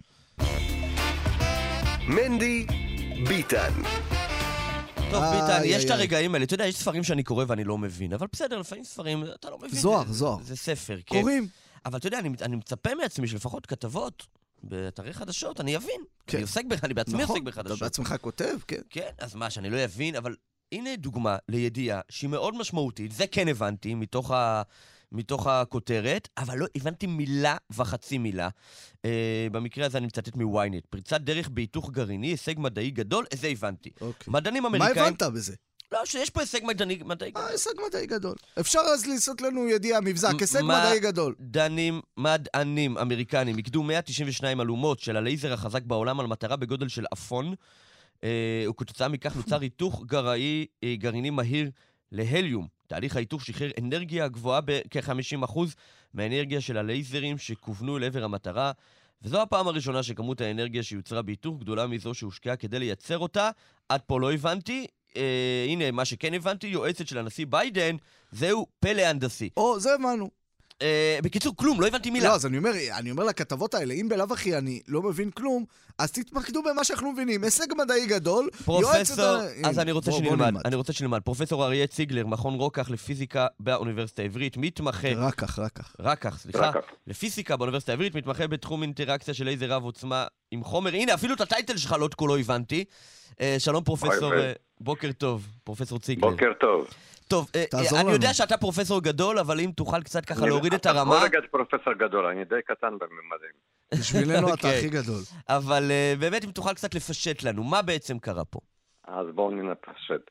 אנחנו, האנושות כולה מתקיימת בגלל זה שבשמש מתרחש תהליך של מיזוג של אטומי מימן שמתחברים אחד עם השני וגורמים לכך שנוצר אטום חדש, נקרא הליום, וההפרש מסות, אם, אם בודקים את המסה של המימנים לפני כן והליום אחרי זה, רואים שיש הפרש מסה, ואם אתם זוכרים את הבול המפורסם של איינשטיין, המסה הזאת הופכת לאנרגיה, וזו כמות גדולה מאוד של אנרגיה, תכף נדבר על זה. התהליך הזה בעצם מקיים את האנושות מאז בריאתה. כן. בכדור הארץ, אנחנו, אנשים הבינו את התהליך הזה כבר בשנות ה... 50 של מאה הקודמת, uh-huh. והשתמשו בו בעצם בדבר פרוזאי, פצצת מימן. Uh-huh. זהו התהליך שמתרחש בפצצת מימן, והם משתמשים לא בדיוק באטומי מימן, אבל מה שנקרא איזוטופים של אטומי מימן, uh-huh. שבהם אה, לוקחים אה, חומר שנקרא דוטריום, כן. ומחברים אותו עם חומר, עם אטום שנקרא טריטיום. עכשיו. אמרתי מילה פשוטה. מתחברים. כדי שלהתחבר צריך להתגבר על התחייה, מאחר והם, כל, כל גרעין שלהם טעון חיובית, הם מרחיקים אחד את השני. זה כמו פלוס ופלוס בבטריה. בדיוק, כמו פלוס פלוס בבטריה. עכשיו, כן. הפלוס, אתה לא יכול לקרב פלוס לפלוס. נכון. כדי לקרב פלוס לפלוס אתה צריך להפעיל אה, כוח. כן. ודבר נוסף, אתה צריך אה, להחזיק את זה מספיק זמן כדי שמשהו כן. יתרחש. זה נקרא כליאה של... והכליאה בשנות ה-60 של המאה הקודמת התפתח מחקר עצום על, כלי, על ניסיון לכלוא אה, אטומי מימן או איזוטופים של מימן ולגרום להם להתחבר ביחד וליצור אנרגיה. כדי לתת מושג קצת על אנרגיה, כן. כדי שאני לא אהיה באוויר. לא, אתה לא באוויר אה, בכלל, אבל, אבל אני, זה, אני מבין ממך שזה ייצור אנרגיה וזה לא רלוונטי רק לפצצת מימן, זה רלוונטי לעוד, לעוד הרבה דברים. אה, אז עכשיו, בדיוק. אז פצצות מימן, תהליך שם הוא לא מבוקר. אנחנו יודע, אנשים בכל זאת הצליחו לעשות, ולעשות פיצוץ. כן.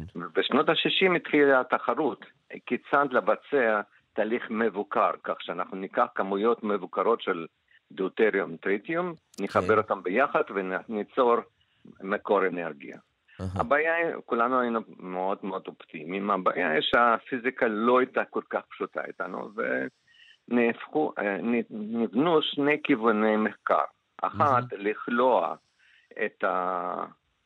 אותם האטומים, יונים, בתוך שדות מגנטיים, mm-hmm. וזה נקרא כליאה אלקטרומגנטית, mm-hmm. והמתקן שהומצא, הומצא בעצם על ידי רוסים, נקרא טוקומק, כן. ובונים את זה באירופה, כן. והם כבר הגיעו להישגים גדולים, ו...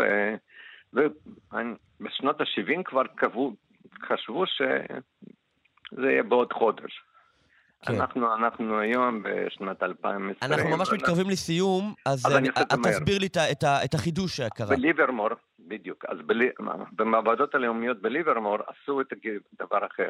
להחזיק, אפשר להחזיק את זה גם בפרקי זמן קצרים, בתנאי שאנחנו יודעים לה, להעביר כמויות אנרגיה גבוהות בפרקי זמן גבוהים, mm. קצרים, כדי לחמם, והטמפרטורה שצריך להשיג זה טמפרטורה של 10 בחזקת 100 מיליון, סליחה, של 100 מיליון מעלות. וואו. עכשיו, את זה ניתן לעשות על ידי קרני לייזר, שבהם בפרק זמן קצר ניתן לספק. אה.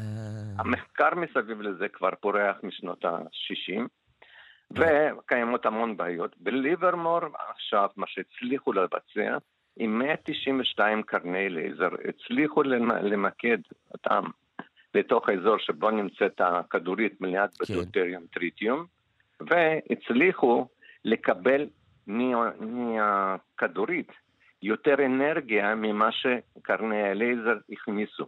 וואו. הכניסו 1.2 כן. מגה-ג'ול, הוציאו 2.5 מגה-ג'ול. מה שנקרא 1 פלוס 1 לא שווה, שווה 4. לא שווה 3. כן. אבל, אבל צריך לזכור שהדבר הזה פותח לנו אה, פתח לתקווה לכך שנוכל בעתיד לפתח מקורות אנרגיה חלופים. שהם נקיים. כן. כן. אין פליטת ואין רדיואקטיבית כמו בכורים, בכורים אה, גרעיניים, ששם כן. מבצעים ביקוע, נוצר, נוצרת פסולת שצריך לטפל. כאן פסולת, גם פה תיווצר משהו, אבל פחות. זה קל לטיפול. ועוד מילה אחת, כן, גרם ממש. אחת, כן. כמות האנרגיה שאפשר להפיק מגרם אחת בתהליך הזה, היא פי מיליון יותר גדולה, מספר פי מיליון יותר גדולה, מאשר נניח מהגרם של פחם. וואו, וואו. דמיינו לעצמכם שבמקום כן. להפעיל את רדינג, זה יכול לש... בדיוק, אז זה משהו קטן. תוכל לבוא בסירה. אנחנו חייבים לסיים כי אנחנו כבר על החדשות. פרופסור אריה ציגלר, תודה רבה רבה. הצלחת קצת להסביר לנו, תודה. בבקשה, להתראות. להתראות.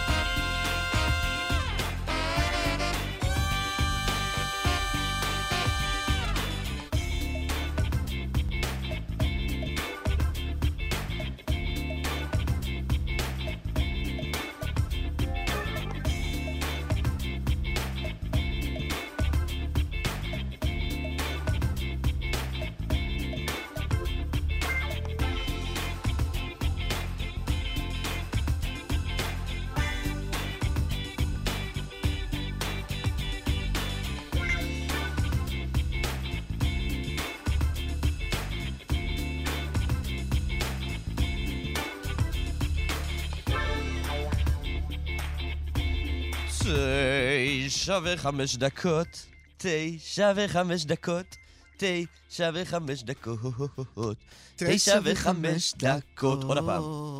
תשע וחמש דקות, תשע וחמש דקות, תשע וחמש דקות. תשע וחמש דקות, איי איי איי, תשע וחמש דקות, תשע וחמש דקות, תשע וחמש דקות, תשע וחמש דקות, זהו, תשע ושש דקות. תשע ושש דקות עכשיו. חושב שהשתפרנו בשירה. בוקר טוב. אני חושב שהשתפרנו. יש בזה עליות ומורדות. לא, גם בעיקר ב... אתה יודע... בדינמיקה של. הלהקה. לא, כל אחד. גם למד את הסולם שמתאים לו. אתה עם הבאס שלך, אני עם הסופרן שלי.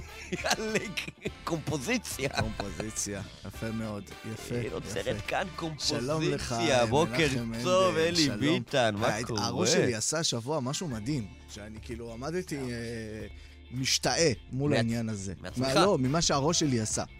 היה, אה, דיברתי עם ריקי על פרשת קו 300. ריקי זו זו רעייתך שלי. רעייתי אה. אה, דיברתי איתה על פרשת קו 300. אי אז. אה, אז, ב-1984.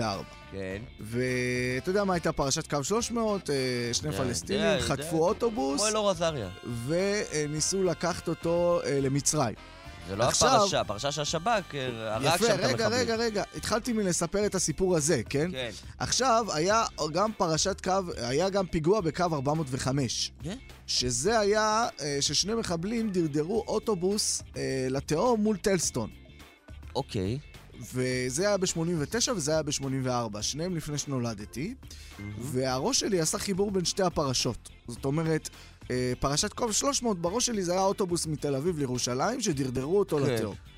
עכשיו, הראש שלי אה, עשה חיבור בין שני הסיפורים. התבלבלתי, כן. שכ... אה, לא ידעתי, לא ידעתי שזה שני סיפורים נפרדים שקרו בשני דברים. חשבתי שקו 300 זה היה קו מתל אביב לירושלים שדורדר לתהום, ואז תפסו את הפלסטינים וכל מה שהיה.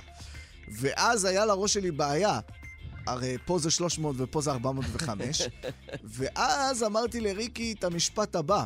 אמרתי לה, קו 405, כנראה, לפני כן הוא היה קו 300, ושינו, אתה יודע, לפעמים משתנים כן.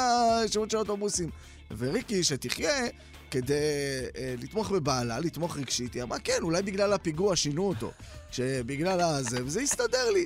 אחרי זה עוד כמה פרטים היו לא יותר מדי, ואז כאילו הבנתי שלא, היה מדובר בשני אירועים אה, שונים.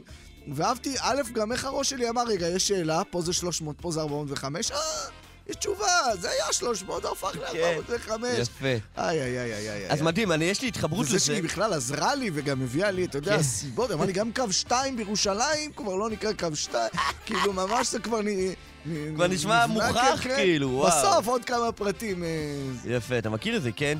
אה, ששואלים, כן? אה, מפורש כתוב בתורה, ויאמר השם אל משה לאמור, קח לך סמים. כן. כן, אתה שושכלת. עכשיו, מה זה לאמור תמיד? ויאמר השם אל משה, לאמור. תגיד אתה לבני ישראל. עכשיו, קח לך סמים זה ציווי למשה. כן. נכון? הוא צריך שם לטפל באוהל מועד. אז מה זה ויאמר משה לאמור? מה רלוונטי לומר? אז יש על זה הרבה תשובות, ויש עוד תשובה, שלא כתוב לאמור.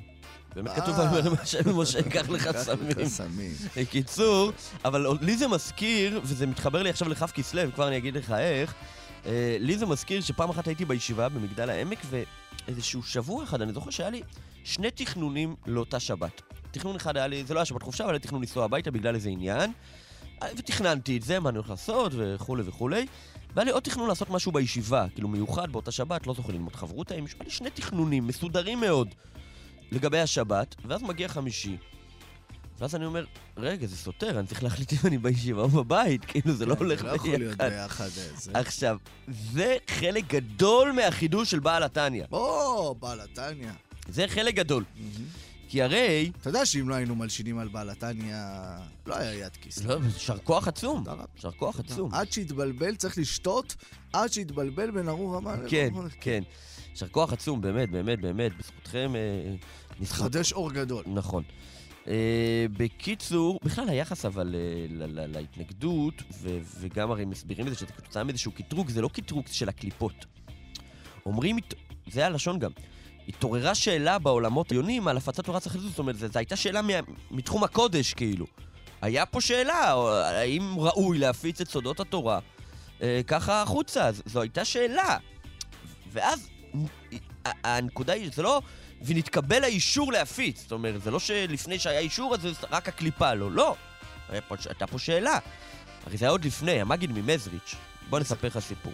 מגיד ממזריץ', גם הוא... ממזריץ'. ממזריץ', גם הוא ביחס אה, לבעל שם טוב, הפיץ את ה... הרחיב את, את, את הפצת החזון. הבעל שם טוב זה היה ממש משפטים קצרים כאלה, לא כתב, המגיד ממזריץ' כבר דיבר תורות יותר רחבות. אה, והיו... יש צוואת הריבש לכאורה, הבעל שם טוב כן כתב את הצוואה שלו. כן, כן, אבל בגדול אני אומר, התורות הרחבות, זה הגיע יותר בתקופת המגיד ממזריץ'. בכלל, המגיד ממזריץ' זה כבר הייתה חצר, לבעל שם טוב לא הייתה חצר. כל הנושא הזה של רבי וחצר, בעל שם טוב היה הרב הנודד. כן. Uh, עכשיו, uh, על, היו חבריו של המגיד ממזריץ', שגם היו תלמידים של בעל שם טוב, uh, בתחילה ביקרו אותו. ביקרו אותו. אה, כי אמרו לו, זה לא הדרך שלמדנו. הוא נתן משפטים קצרים, עם כל הכבוד, הוא גילה אור גדול, אבל הוא לא התכוון להתחיל פה לתת קבלה וזוהר ועניינים, לא. רב פנחס מקוריץ היה אחד מהם. אה, ומספרים שפעם אחת רב פנחס מקוריץ אה, הלך שם להתפנות במזריץ', ומצא בשירותים מתגלגל דף של חסידות. כנראה הדפיסו כבר וזה. והוא הרים את הדף וכאילו אמר, הנה, הנה, כאילו הוכחה מאוד הקפיד, הוא אומר, הנה, ככה זה לא, זה לא צורה. מתחילים לגוון את זה, בסוף דפים מתגלגלים בשירותים. ב... ואז רב שנורזן ממיליאדי, שהיה תלמידו, הוא היה, פנחס מקורץ היה חברו של המגיד, תלמידו של הבעל שם טוב, שנורזן ממיליאדי היה צעיר התלמידים של המגיד, שמע את זה, היה שם ליד, ואז אמר לפנחס מקוריץ, אני אמשל לך משל, שבנו של המלך היה חולה מאוד מאוד מאוד מאוד. תמיד, תמיד, תמיד בנו של המלך. והרופאים אמרו למלך שיש איזה אבן, יהלום מאוד מאוד מיוחד, שאם יקטשו אותו ויוסיפו לו מים, וייתנו לו סיכוי אחד ל... שאולי זה... הוא ינצל. חיפשו את האבן הזאת, בסוף מצאו שאין אותה בכל הגנזים. איפה יש אותה? היא אבן מאוד מיוחדת, על הכתר של המלך, האבן המרכזית של הכתר. כן? עכשיו מה, צריך להוציא אותה, להרוס את הכתר. האבן הכי מיוחדת שיש למלך, לקטוש אותה. לקטוש אותה בשביל... אם בכלל יצליחו להכניס לו, כי הוא כולו בקושי שותה, ואולי זה יציל, גם לא בטוח. אה, והמלך מיד אמר, קחו את האבן, תעשו מה שצריך, רק בשביל הסיכוי. ואז הוא אמר לו, אתה צודק, זה, זה לקח... החסידות זה אבן יקרה מאוד. אבל עם ישראל נמצא במצב קשה. הלאה, סיכוי אחד למיליון, קחו את הכתר. קחו את הכתר. אה, ואז המגיד אמר לראשון זלמן שעם המשל הזה ביטלת את הכפדה. עכשיו, מה אני בא לומר? ש... שלכן אני אומר, ההתנגדות היא לא הייתה מתחום הקליפה חלילה, כן? זו הייתה שאלה אמיתית, של פנחס מקוריץ, כן? שאלה אמיתית. מה רציתי להגיד לך לגבי הפיצול אישיות שסיפרת עליו, כן? Mm-hmm. ששני סיפורים התערבבו לך. כן. שמסופר, כן, על רבקה, שהסתובבה, והתרוצצו הבנים בקרבה, אומר רש"י, הלכה ליד בתי אה, כנסת ושמעה בעיטות, ו, אה, והלכה אה, ליד... ליד בתי עבודה זרה ושמעה בעיטות, והיא חששה, מה היא חששה, מנדי? כן, מכיר. ש... מה אתה מכיר? בנו מזרח. לא, מה פתאום? מה זה ודאי לא היה חשש, שום דבר. מה? היא אמרה, ליד הבתי עבודה זרה הוא רוצה ל... ל... ל... ל... לצאת. אולי מדובר באיזה מחשמויניק, אוקיי? כן. ליד הבתי מדרש הוא רוצה לצאת, אולי הוא רוצה לצפות בנידורים פלוס. בקיצור, אז, ואז הקדוש ברוך הוא אומר לה לא לדאוג, שני גויים בבטנך, שני לאומים. ממאיכי ייפרדו. עכשיו, אה, מוסבר על זה בחסידות, שהרבה פעמים בן אדם, בן אדם, כן, מרגיש, אה, והתרוצצו הבנים בקרבו. הוא אומר, מי אני? אני מצד אחד לפעמים יש לי התעוררות רוחנית, ואני פתאום רואה, מרגיש שאני יכול להתחבר לאיזה נקודה עליונה, ו- ו- ו- ולקיים מצווה בהתלהבות, ולהרגיש משהו שהוא גדול ממני, ולפעמים אני אדם הכי נמוך ושפל וכועס על מי שמזיז לי את העט מפה לשם, ומשתגע ונהיה כולי כמו בהמה. מי אני? זה משגע אותו, מי אני? ואז אומר לו הקדוש ברוך הוא, אל תדאג, שני גויים בבטחים. אומר לו הקדוש ברוך הוא לכל יהודי. אומר לו, אתה לא אחד. אתה מרגיש שאתה מתוסכל, כי אתה אומר, אתה, אתה חושב שאתה אחד, ואתה אומר, מי זה האחד הזה? אתה לא אחד, אתה שניים. יש לך מערכת שלמה שהיא גבוהה, מערכת אלוקית, נפש אלוקית, ויש לך מערכת שלמה שהיא בהמית. אתה, אתה גם וגם. וזה סוד האדם. יפה. אני לוקח את זה כמובן להסכמים הקואליציוניים. כן. כי אני אומר, יש בהסכמים הקואליציוניים, יש את המידות, אוקיי? יש לסגור הסכם קואליציוני עם היצר הטוב. כן. נגיד בא אה, סמוטריץ' ובן גביר, סוגרים הסכם קואליציוני עם היצר הטוב של נתניהו, כן. אוקיי? אבל לכל בן אדם יש גם יצר הורה, אוקיי? עכשיו, החרדים יותר חכמים, הם מראש סוגרים עם היצר הורה, הסכם קואליציוני. עכשיו, אומרים לך, אם סגרתי עם היצר הורה, היצר הטוב ודאי, אבל מי סוגר עם היצר הטוב? כל הנושא לא רלוונטי בכלל. יפה. ליצר הרע. זה הרבה פעמים שאנשים באים לחתום הסכם, ואני אומר, מה, אתה לא מאמין לי? אתה לא מאמין לי? לא. ודאי שאני מאמין ליצר הטוב שלך. יפה. אבל אתה מאמין ליצר הרע שלך? זה אבא שלי תמיד אומר. ליצר הרע שלך אתה מאמין? אם כן. אתה, מאמין ליצר הרע, יש בעיה, אוקיי? כן, הרי במהותו של היצר הרע... אתה כן. לא יכול להאמין לו. יפה. אז, אני, אז בשביל היצר בכלל לא בוא בשבילי, נחתום על בשביל ה- הפרטים, בוא שלך. נבדוק את הפרטים כן, ואת התאריכים. כנאמר, הסכם צריך לחתום כ- כמו אויבים כדי ש- שנמשיך להיות ש- ידידים. ידידי, ידידי. אה, אגב, זה- אבל זה זה גם קשור, כי כל המטרה של אדם בעולם היא עזוב תעזוב עמו. גם את הבהמית שלנו, לשכנע אותה. אתה יודע מתי אני אזכה בפרס פוליצר? נו. כשנמצא נושא שאתה תגיד לי, או, זה לא קשור בכלל, זה לא קשור, אלי, פה עפת לכיוון אחר, חזור בך, אחי, אתה מערבב. קשור לחסידות. לא קשור בכלל למה שדיברנו, לא אייטם שונה בתכלית. בהקשר לקושייה כותב מאזין, כן. אה, של וידבר השם אל מוישה לאמור, קח לך כן. סמים, שכמובן אין את המילה לאמור, יש עוד קושייה ידועה, הוא אומר. מהפסוק שובר כל עצמותיו, אחת מהן הלא נשברה. אם שובר כל עצמותיו, איך אחת מהן הלא נשברה? יפה. זה ממש מתורת הקוונטים נכון. העניין הזה. בתשובה שכתוב שומר כל עצמותיו, אחת מהן הלא נשברה. אה, דידה נוצח, לחיים לחיים, כותב מאזין יצחק נתני בת ים, אפשר לתת בטח. יצחק נתני בת ים.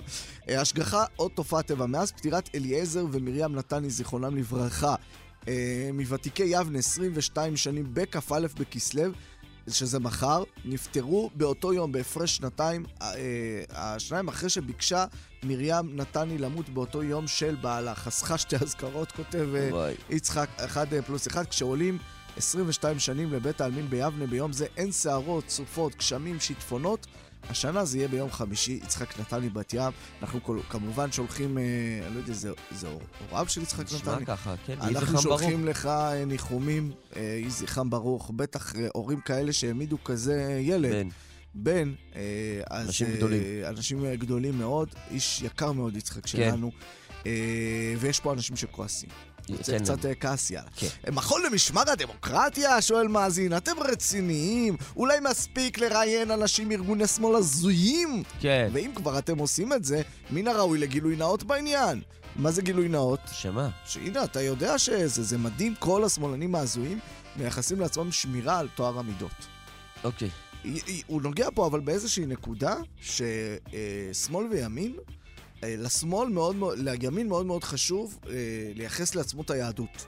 כן. אנחנו היהודי האמיתי, אנחנו היהודי, הנקודה נכון. היהודית האמיתית. למרות שיהודים, כולם יהודים, כן, מה זה יהודי אמיתי? יהודי הוא כן. יהודי. וחוץ מזה, יכול, אתה יודע, יכולים להיות... לא, אה, וגם אם מדברים על זהות יהודית, שמאלנים מחוברים למסורת כן, כן, וליהדות גם וכולי. בימין זה נורא נורא חשוב.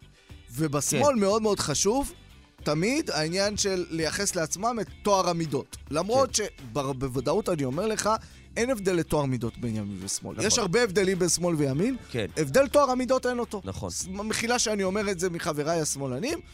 כאן וכאן יש... אה, אנשים ישרים ואנשים לא ואם יש ישרים. הבדלים, זה לא לטובת הימין. אפילו הייתי אומר... לא לטובת לא, אני השמאל. אומר היסטורית, לא לטובת השמאל. אה, היסטורית אפילו, כן? אבל זה משהו שהוא מאוד חשוב, זאת אומרת, זה גם, גם פנימית, אתה יודע, אדם כן. ש... שנחשד או דבר כזה, הוא כאילו, הטהרנות הפנימית היא, כן. מאוד מאוד גבוהה, מאוד מאוד כן. גבוהה. ואתה אומר למה? למה הם אה, מייחסים, למה הם תמיד כאילו ילכו למקום הזה, והם דווקא ילכו למקום הזה? מן הסתם יש לזה סיבות. אני מציע לשני הצדדים אה, אה, לייחס את מה שהם חושבים על עצמם, לייחס למחנה, את מה שהם רוצים להיות, לייחס למחנה היריב. כן. אני מציע, כי זה מאוד מאוד עוזר כדי להבין את, ה, את השפה. לא בשביל עכשיו איזה... תנסו שנייה רגע, שמאל, תנסו שנייה רגע לראות את המקום שבו הימין נלחם על טוהר המידות. את המקום שבו הוא נהיה אה, דווקני של, של סעיפים קטנים. כן. ימני, תנסו שנייה רגע לראות את השמאלני ש, שנלחם, וכל חייו נלחם על הנקודה היהודית. אתם תראו uh, שמשהו אחר משתנה, אם, אם חשוב לכם לשכנע, או אם חשוב כן. לכם לצרף, אתם תראו שמשהו משתנה במערכות היחסים, אבל מי שומע לנו? מי שומע כן. לנו? כמו שאמרנו לשמחה רוטמן, עד שאתה מתאמץ לשכנע אותנו, המאזינים כבר בצד שלך. יש עוד כועס. עוד כועס? אחד. כן. למה כשאתם מעלים לשידור אנשים על משפט נתניהו, אתם מעלים אנשים רק מצד אחד? שאלה לינובר גם. גם ינובר כעס עלינו, לא כעס עלינו, אמר בגלי ישראל, דנו מזה מזווית אחרת. מי תיאם את המרואיין? לא הבנתי. מנדי תיאם את המרואיין? כן. אה, תודה רבה, אנחנו אמרנו לך, אני אומר לך, בוזגלו פה... כן. כן. כן.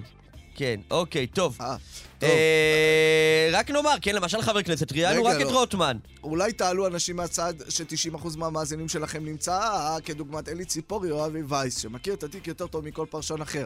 ויש עוד המון פרשנים מהצד הימני. חבל, כי כל פעם שאתם ממשיכים להביא רק שמאלנים לנושא הזה, אתם מבריחים המון מאזינים.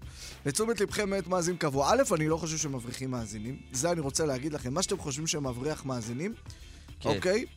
זה בדרך כלל ההפך הגמור. זאת אומרת, כן. אנשים נשארים להקשיב עד הסוף לשיחה שהם לא מסכימים איתה, אנשים לא נשארים להקשיב עד הסוף לשיחה שהם מסכימים איתה בדרך כלל. זה דברים מובנים מאליהם, זה לא, זה לא מעניין באוזן, אבל זה לא סיבה אצלי. אם זה היה תוכן לא טוב, זה לא אכפת לי אם המאזינים אה, בורחים ולא בורחים. אני חייב להגיד, באופן אישי, שכשעולה מאזין שהוא בעמדות שלי, מרואיין. אתה יודע, מרואיין שהוא בעמדות שלי, ואתה יודע שזה נדיר מאוד, מנדי, כן. בטח לא הקקמייקה, השמאל קקמייקה, אבל שעולה מאזין שהוא בדעות שלי, לא משנה אם זה חרדי בדעות שלי, אצניק, אה, מישהו שהוא, אתה יודע, באותה תפיסה כלכלית שלי, אני הרבה פחות נוח לי, אני הרבה פחות במתח שהוא יעשה טעויות, שהוא ידבר כן. לא יהיה, שהוא יהיה לא טוב. אני מעדיף אנשים שלא חושבים נכון. כמוני, ותוך כדי שיחה, השיחה נהיית יותר טובה. יאללה, עוד אה, הודעות כעס כאלה ואחרות, או. שלא, אה, 05... מנדי וביטן, לא כעס, מנדי וביטן היקרים, אתם חייבים לראות את סרט המשפט פשוט מזעזע כן, ביותר, כן. איך תופרים לביבי תיק, רק כדי לסלק אותו מהשלטון. 055 ביבי בסוף זכאי. 055-966-3991, 055-966-3991. נתנאל נתנאל ינובר עורך אותנו יחד עם גיא מחבוש אה, על הביצוע הטכני אסף מוסקוביץ'. אה, ואתם אה, כמובן אה, מוזמנים לסמס לנו, כבר אמרנו את המספר, בתנאי שאתם לא בנהיגה. ועכשיו ביטן, קמתי הבוקר כ' במרחשוון, אתמול הייתי בהתוועדות מאוד יפה, עד י"ט כסלו בלילה, הלכתי שם מאוחר, קמתי הבוקר, הייתי קצת עייף, ולמרות עייפותי, נקרא בי, צצה בי תוכי שאלה כזאת, והשאלה היא זאת, יד כיסלו, אתה יודע מה היה. כן. כף כיסלו. מי הם הצדיקים והצדיקות שהלכו לעולמם לעולמם. בכ' בכסלו, אבל לא, אבל לא, אבל לא בתשפ"ג, אלא בשנים עברו. מנדי ביטן. היורצה איתיה, הדליקו נר עם מדי ביטן, בהגשתו של אלי ביטן. שלום וברכה לך, מנדי גרוזמן. היה שלום. פה איזה רגע של אה, התרגשות. התרגשות. הרב הקודויש, האדמו"ר מקרמניץ, רבי שולם פייבוש הלוי הורוביץ. היה מגדולי האדמו"רים הראשונים וראשי תפיצת, מפיצי תורת החסידות. אה, הלך לעולמו היום. זה הראשון שאני מזכיר. יהי זכרו ברוך. רבי בנימין זאב וולף הלוי סגל, מבלטה, מחבר הספר פאר לישורים, מנוחתו כבוד בבית העלמין בצפת. יהי זכרו ברוך. רב שמואל מנמירוב היה אחד משבעת תלמידי רבי נתן מברסלב הראשונים, ורבי נתן, הוא נפטר בחיי רבו, ורבי נתן כתב עליו במכתב ככה, והנה זה רב שמואל זיכרונו לברכה שנפטר, בוודאי אתה ידעת אותו היטב, ותדע שנשמתו יצאה בטהרה, ודיבר דברי, דיבור האמונה בכל עת, עד שיצתה נשמתו. תהא נשמתו צורה בשרור החיים. והלך בדרך היושר, בדרך התורה כל ימיו, ונפטר בשם טוב. הוא היום אה, הלך אה, לעולמו היום. תלמיד החויזה מלובלין, האדמו"ר מאושפיצין, אה, רב דוב בר פרומר, היה מתלמידי החויזה הקודויש מלובלין. מהמם. הגאון הגדול, הצדיק, קצת נראה לי זה, רבי אברהם הכהן פופקה. אה, הוא היה בנו של החופץ חיים, Mm. אחד מבניו הקטנים, הוא נפטר בגיל 23, ילד צעיר מאוד, אה, שדיו היה לגדולות, דיו היה כן. לגדולות, אבל אה, הוא נפטר. אחד היורצייטים המרכזיים שאנחנו נתעסק בו עוד היום, אני רק אומר את זה, אה, זה, זה בעל הפחד יצחק. או. הגאון האדיר רבי יצחק קוטנר, ראש ישיבת רבנו חיים ברלין בפלטבוש בניו יורק, לאחר מכן ראש ישיבת בסת תלמוד בירושלים וישיבת פחד יצחק, שעומד בראשה חתנו הרב יונתן דוד, יונתן דוד, בשכונת הר נוף בירושלים, ממש שלוש דקות הליכה מהמקום שאנחנו נמצאים בו עכשיו.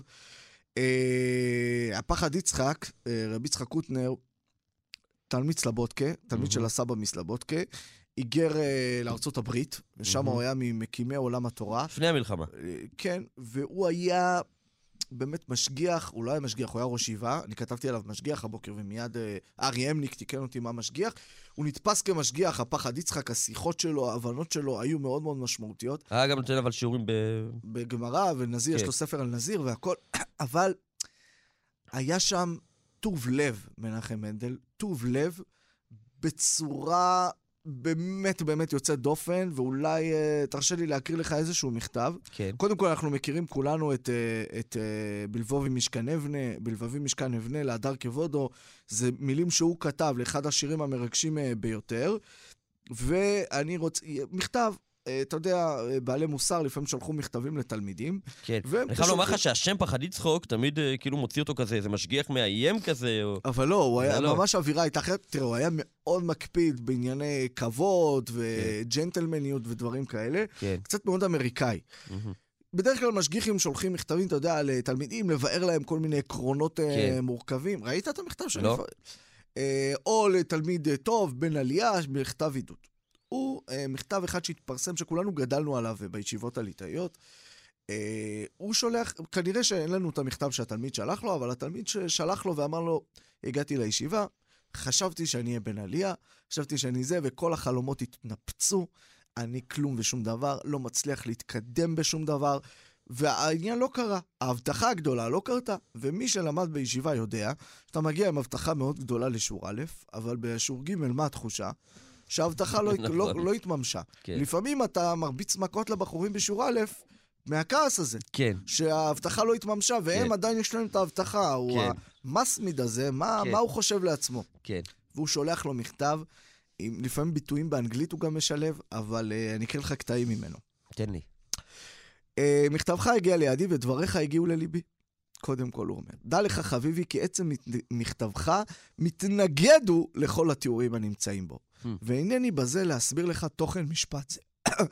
רעה חולה היא אצלנו, שכאשר מתעסקים אנו בצדדי השלמות של גדולנו, הננו מטפלים בסיכום האחרון של מעלתם. מספרים אנו על דרכי השלמות שלהם, בשעה שאנחנו מדלגים על המאבק הפנימי שהתחולל בנפשם. הוא גם מביא דוגמה. הרושם שלך על גדולי ישראל מתקבל כאילו יצאו מתחת ידי היוצר בקומם, בקומתם ובצביונם. הכל משוחחים, מתפעלים ומרימים על נס את טהרת הלשון של בעל החפץ חיים. אבל מי יודע מכל המלחמות, המאבקים, המכשולים, הנפילות והניסיונות לאחר, לאחור, והניסיונות והנסיגות לאחור שמצא החפץ חיים בדרך המלחמה שלו עם יצרו הרע. למשל אחד מיני אלף, אומר דוגמה uh-huh. אחת של החפץ חיים, ודי לנבון שכמותך לדון מן הפרט על הכלל. Uh-huh. התוצאה מזה היא שכשנער בעל רוח, בעל שאיפה, בעל תסיסה, מוצא בעצמו מכשולים, נפילות, ירידות, הרי הוא דומה בעיניו כבלתי שתול בבית השם. שלפי הדמיונות של נער זה, להיות שתול בבית השם, פירושו הוא לשבת בשלוות נפש, על נאות דשא של מי מנוחות, וליהנות מיצרו הטוב, mm. כדרך שצדיקים נהנים מזיו השכיונה, שטרותיהם, בראשיהם, במסיבת גן עדן. ולאידך גיסא, לא להיות מרוגז מסערת על יצר, על דרך הכתוב של במתים חופשי. אתה חושב שזה, אבל דע לך חביבי, ששורש נשמת, נשמתך הוא לא השלווה של יצר הטוב, אלא דווקא מלחמתו של היצר הטוב. ומכתבך היקר והנלבב מעיד כמאה עדים, כי אכן לוחם נאמן אתה בצבאותיו של היצר הטוב. Mm. באנגלית אומרים, lose a battle and win the war, דהיינו הפסד, הפסד קרב ותנצח במלחמה. כן. ב- אה, אה, בוודאי שהנך נכשל ועומד להיות נכשל, הוא אומר. ועומד להיות נכשל, בסוגריים, וואו. אין בזה משום פתיחת פה לשטן, הוא כותב. ו- ובכמה מערכות תיפול שדוד. אבל אני מבטיח לך שלאחר הפסד כל מערכות, תצא מן המלחמה, קשור על ראשך, והטרף, אחד מפרפר בין שיניך. וואו. הוא ממשיך וממשיך, והוא כותב, אהובי, הנני לוחץ אותך אל לבבי, ולוחש באוזניך. כאילו היה מכתבך מספר לי אודות המצוות והמעשים הטובים שלך, הייתי אומר שקיבלתי ממך מכתב טוב. עכשיו, שמכתבך מספר על דבר ירידות ונפילות ומכשולים, הנני אומר שקיבלתי ממך מכתב טוב מאוד.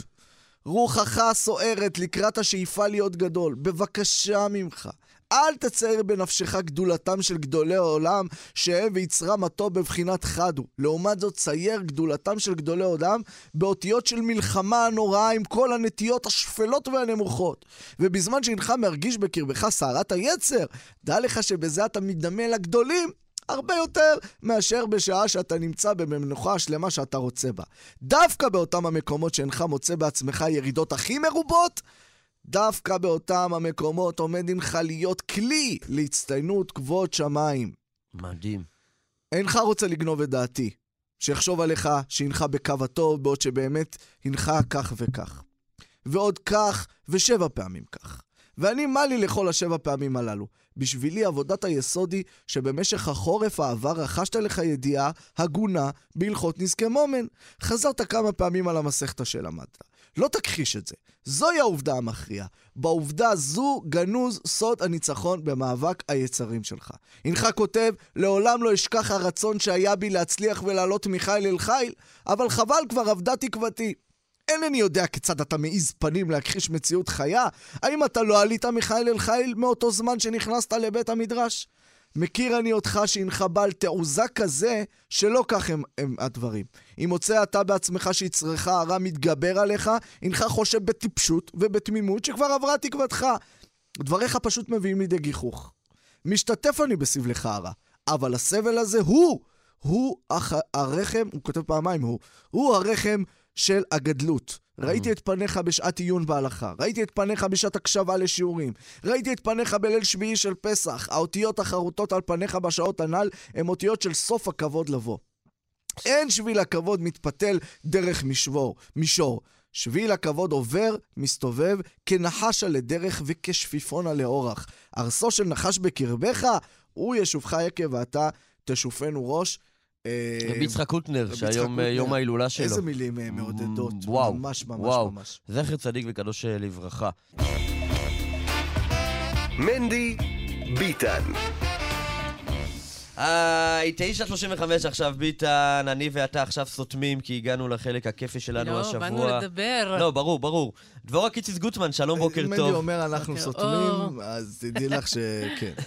אה, דבורה קיציס גוטמן. תשמעו, אני אה, מבינה שפספסתי את האירוע המוזיקלי השנתי של השנה. כן, מה? אבל שנים שעברו לא היית? של צמא? הייתי, אבל? השנה לא הייתי. אה, אוקיי. יש חויזר. חדש, יש חויזר חדש. אה? מי החויזר החדש?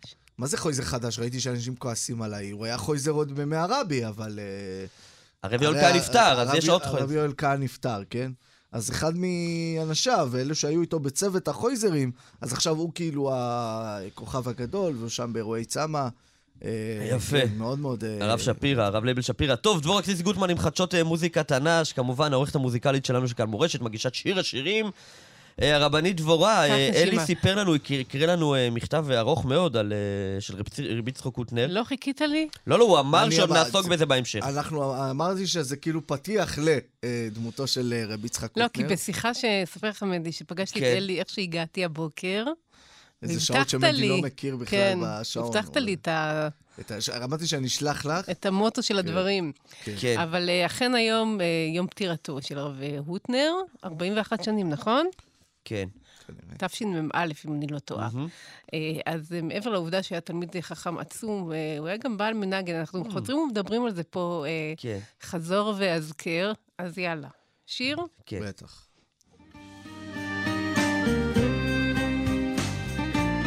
זה לחן שלו? תכף תראה שאתה מכיר את השיר הזה ואין אחד שלא יודע. בלבבי משכן אבנה להדר אה? כבודו. ולמשכן זה לא מורדכי, מזבח אומר דוב אייכלר, על אף שהכל כה דומה, מי זה? נו, דובי? מי מזהה את הכל? גם חשבתי מרדכי. נכון. זה אפרים מנדלסון. וואלה.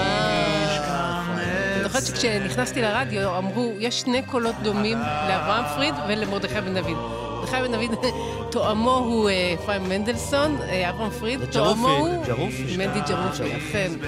מאז כבר הגיעו אה, האחיינים שקולותיהם ככה הולכים בכיוון הזה. אבל אוקיי, באנו לדבר על הרב הוטנר. בלבבי אה, משכן אבן. בלבבי משכן אבן. למעשה, הרב הוטנר כותב את המילים את. המילים אה, לשיר הזה, על, אה, בהשראת אה, וככה כהמשך לפסקה בספר חרדים. אבל, אבל ראיתי עוד דיוק יפה, בלבבי משכן אבנה לאש העקדה ולקרבה אש העקדה. איך זה מתקשר לרב הוטנר? נו, אה, מה? נו, נו. הרב יצחק. אה, קוטנר. אה, וואו, כן, אז מה, תספר לי עליו, כי אני לא מכירה באמת את דמותו של האיש. אלי, בניתי וואי, עליך. אנחנו נשלח לך את הקטע. היה פה תיאור ארוך מאוד. אה, כן, לא יותר הקראתי באמת את הזה. רבי יצחק קוטנר היה, אה, למד בסלבודקה, אה, ישיבת סלבודקה אה, בקובנה שם, אה, התחנך על גד לסודום, ואז הגיע לארצות הברית. בארצות הברית הייתה סיטואציה מאוד מאוד שונה באותם שנים, כן? כל הערך הזה של אינדיבידואליות מאוד היה על השולחן, כל המימוש העצמי, ואני חושב שרבי יצחק קוטנר, אם יורשה לי, כן, עשה איזשהו חיבור בין גד כן. לסודום של סלבודקה אני חושבת שהוא לבין אבא של האמריקאיות. הישיבי יוניברסיטי באיזושהי כן, כן, צורה. לא, והוא הקים את זה, זה צריך להגיד. הוא מאוד אה, האמין בלימודי חול יחד עם לימודי קודש, היה לו על זה מלחמה עם רב אהרון קוטלר. אה, הוא היה ראש ישיבה, ראש ישיבת רבנו חיים ברלין, שהיא באמת באמת אה, ישיבה שמשותפת. החתן שלו, ישיבת פחד יצחק, היום כאן, ממש שלוש דקות הליכה, זה נכון. הבניין הגדול שמתנשא מולנו. אה, של, של חתנו, לא, ישיבה שחורה רגילה, אבל בארצות הברית... ה- הוא הביא, הבנתי, רוח אה, חסידית. כלומר, הוא היה גם אה, סוג של... אה, האמת שכן, נכון, הוא היה עושה. טישים בישיבה, אה, מנחם מנדל. הוא היה עושה שאתם, אה, טישים בישיבה. הליטאית. תחשוב, סלבודקאי עושה טישים בישיבה אה, זה. להקריא רגע את המילים של בלבבי משכן אבנה, שהוא כתב באמת אה, אה, בהשראת אחד משיריו של רבי אלעזר סקארי, שהוא, אה, שאני ממשפחתו, נכון. אמר, אה. דיבר, כן, אני משפחת אה, רבי אלעזר סקארי, אה, משפחתה של סבתי אה, רינה, שתחיה, שת- שישלח לה רפואה שלמה, אה, משפחת הסקארי. בלבבי משכן אבנה להדר כבודו, ובמשכן מזבח אשים לקרני הודו, ולנר תמיד אקח לי את אש העקידה, ולקורבן אקריב לו את, נפשי נפשי. היחידה. נפשי נפשי. כן. אמ, כן, אה, אז זה, זה שיר שאת מילותיו הוא כותב, מי שהלחין אותו שמואל אה, ברזיל, שגם היה, למד בישיבות ככה מקבילות לישיבת, לישיבה, יש- ישיבתו של רב חיים ברלין. אה, אצלי בתוכנית, אם תרצו ותקשיבו, נביא הקלטות מאלבום שיצא בישיבה, זו ישיבת רבנו חיים ברלין. חיים. ברלין, עם וואו. כמה שירים שהגיעו עד היום הזה, ממש וואו. מקסים.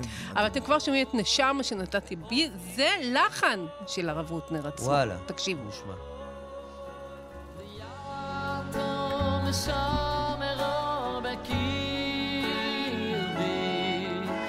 אז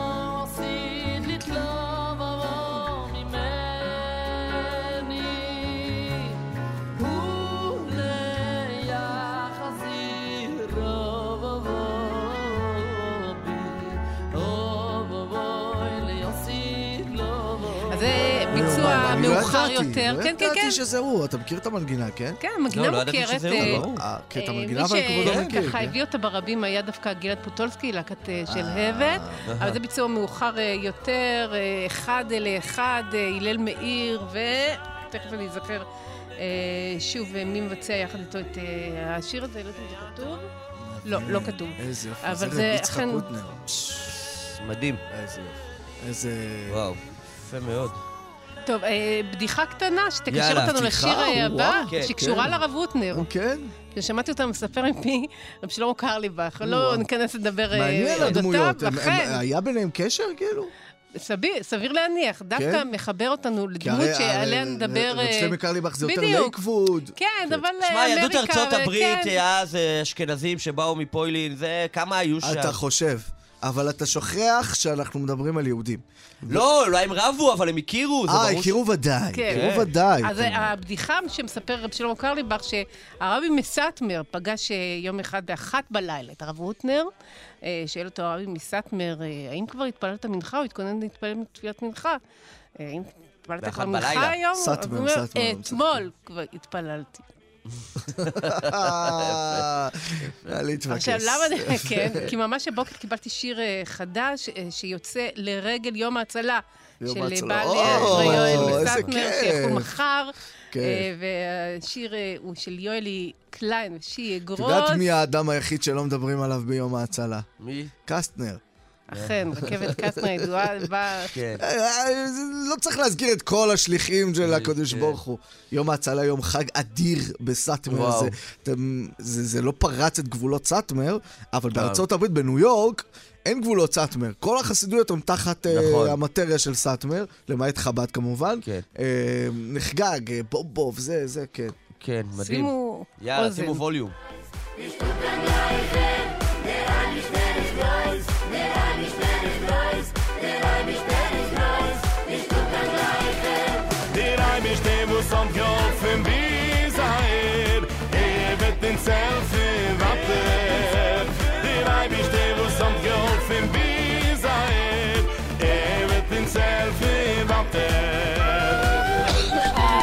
ניגון מיוחד אה, את הניגון אנחנו מכירים, הניגון הוא זה, הוא ניגון מאוד מאוד מוכר. מוכר? למי הוא מיוחד? אתה יודע?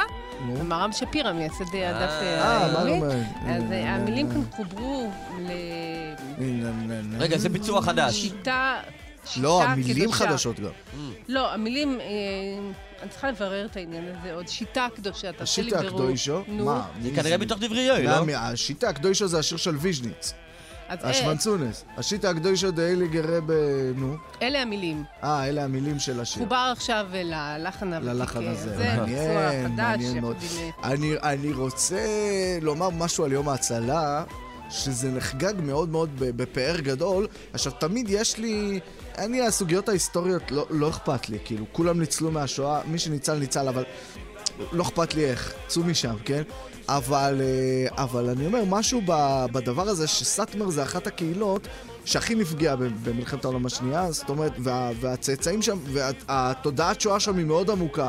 עכשיו, חוגגים את זה שאחד ניצל, כשלכולם שם זה יום שמזכיר את, את כל מי שנשאר מאחור. אז אנשים חוגגים והחסידים מאוד מאוד שמחים ביום הזה. וזה סוג של התפרצות שמחה בנסיבות הכי טרגיות כן. שאפשר לחשוב. אבל מה זה אחד שניצל? זה מבחינתם שהרבי יואליש נכון. הצליח לייצל זה, הוא הציל את לא, לא, החסידות, את כן, המורשת. לא חולק על זה, לא חולק על זה, אבל, אבל אתה חושב על אבא, ואתה חושב על אימא. נכון, נכון. והדבר, ה- בוא נגיד מעניין באמת. הדיסוננס החסידי הזה היום זה הוא... יותר קל, אבל אני מניח שבשנות ה-50, מה שאתה מדבר עליו היה עוד יותר בולט, 50-60. כן. אתה יודע, זה אנשים שאיבדו בעצמם, האבא או האחים. אני חושב שהתחילו באמת לחגוג את זה בשנות ה-80, ממש כן, ככה. את יותר אירועי קל, נראה לי. כן. אה, שוב, בעיניי, אני סליחה שאני אומר, אני לא יודע מה העמדות שלך, דבורה, בעיניי זה חלק מהעוצמה החסידית. אני גם חושבת. היכולת הזה של המשחק בין אבל ושמחה ואבל ושמחה, זה, זה דבר שאני כאילו מתפעם ה- מולו. זה- לספרדים אין את זה, בוא נגיד זה גם ככה. עניין כל כך חסידי, אני חושבת, שאדם מוכן אה, למסור נפשו באיזושהי כן. צורה על מנת שירבו, כן. ומוביל כן, ככה, אה, זה שוב, הצינור. סאטמר לא מגדולות החסידות, הם לא, לא כל כך חסידות חסידית, בטח, אה, כן. בטח לא אז. היא אלמנטים של חסידות משנה, שיש בכל נקודה. חצות. כן, כן. נקודה, נקודה. זהו זה להיום. וואי, איזה כיף. זו רק כיף. גוטמן, תקשיבו לה אה, בימים א' עד ד'. אה, לשיר בין השירים, השעות- היום תקשיבו בשביל לשמוע ניגוני רבנו חיים ברלין ורבי יצחק בין השעות קוטנר. 2 עד 4. רגע, אז עזרתי לך היום בליינאפ של... וגם אה, רגע, אני רוצה לברך את דבורה. דבורה היה, אה, זכתה בפרס מנכ"ל התאגיד. על פועלה, המנכ"ל. פרס הצטיינות, על כל פועלה הרב, בכל התוכניות ובהסכתים. אה, אז דבורה, תמשיכי אה, ברכות, אין ליצור. מצטיינת ממך. תודה רבה רבה. באמת.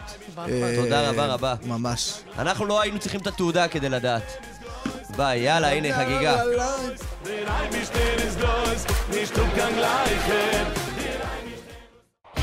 וואס איז נייעס, הנייעס של כאן מורשת.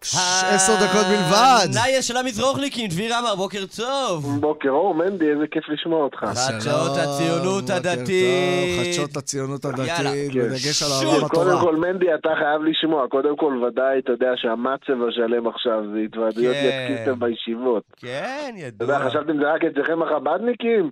אתה יודע איך? אמר לי אנחנו אתמול איזה אחד? בכם. כן, אתמול, אתה יודע, עבדתי על כתבות בלילה, אחד אמר לי, "אתה- בא, אתה בא להתוועדויות, אמרתי לו, תשמע, הייתי כבר. הוא אומר לי, לא, צריכים שלוש, אתה מבין? הדתיים לאומיים נהיו חב"דניקים, אתה מבין? אני כבר כבר... לא, לא, לא, לא, לא, לא, לא, הם לא נהיו חב"דניקים. האור של החסידות, הוא שייך לכולם, זה לא קשור לחב"ד, זה טניה, זה... הוא כתב את כל הספר הזה בשביל מי שגר בכפר חב"ד, בחייך.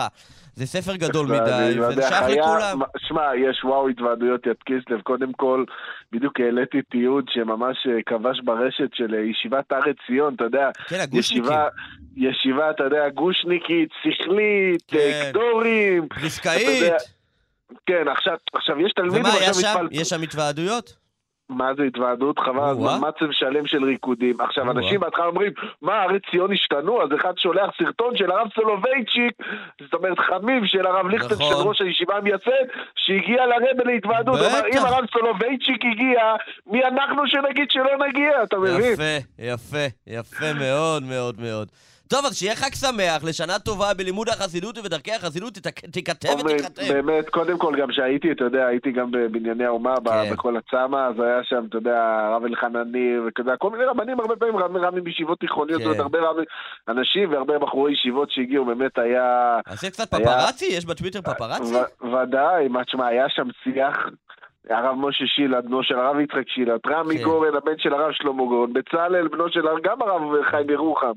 יהודה ולד, מנכ"ל מפלגת הציונות הדתית, גם אבא שלו, היה ככה על תורת הרב קוק ואדמו"רי חב"ד, ככה כל מיני אה, מדהים. אנקדוטות מעניינות. אה, וואו. אז אה, זה בנושא הזה. אגב, היש, ה- הישיבה הראשונה שהתחילה ההתוועדות, זה גם העליתי תיעוד של יד קיסלב, הייתה ישיבת תקוע, זאת אומרת, אה, שהרב הדינר שטיינזלד, שהיה כידוע מקורב לרבי מחב"ד, אז אה, הוא, הוא הראשון שייסד, היום זה טרנד מטורף שם, יש להם התוועדויות לילדים, נוער, ישיבות כן, תיכוניות, כן. שיעורים בחסידות, התוועדות מרכזית, הם עושים שם באמת אירוע ענק, באמת הפקת ענק שם בישיבת אה, ישיבת כוח, שאגב ישיבה לא גדולה כל כך, אבל, אה, אבל באירוע הזה מאוד מאוד אה, אה, דומיננטית. כמובן יש עשרות ישיבות שזה מתקיים באופן פרטי, כמובן ישיבות תיכוניות, אולפנות וכולי וכולי.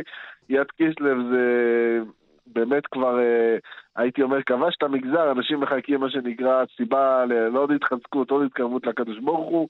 זה אין ספק, אה, זה כמובן, אני חייב להגיד שאתה רואה את זה שדווקא הייתי קורא לזה הישיבות ה...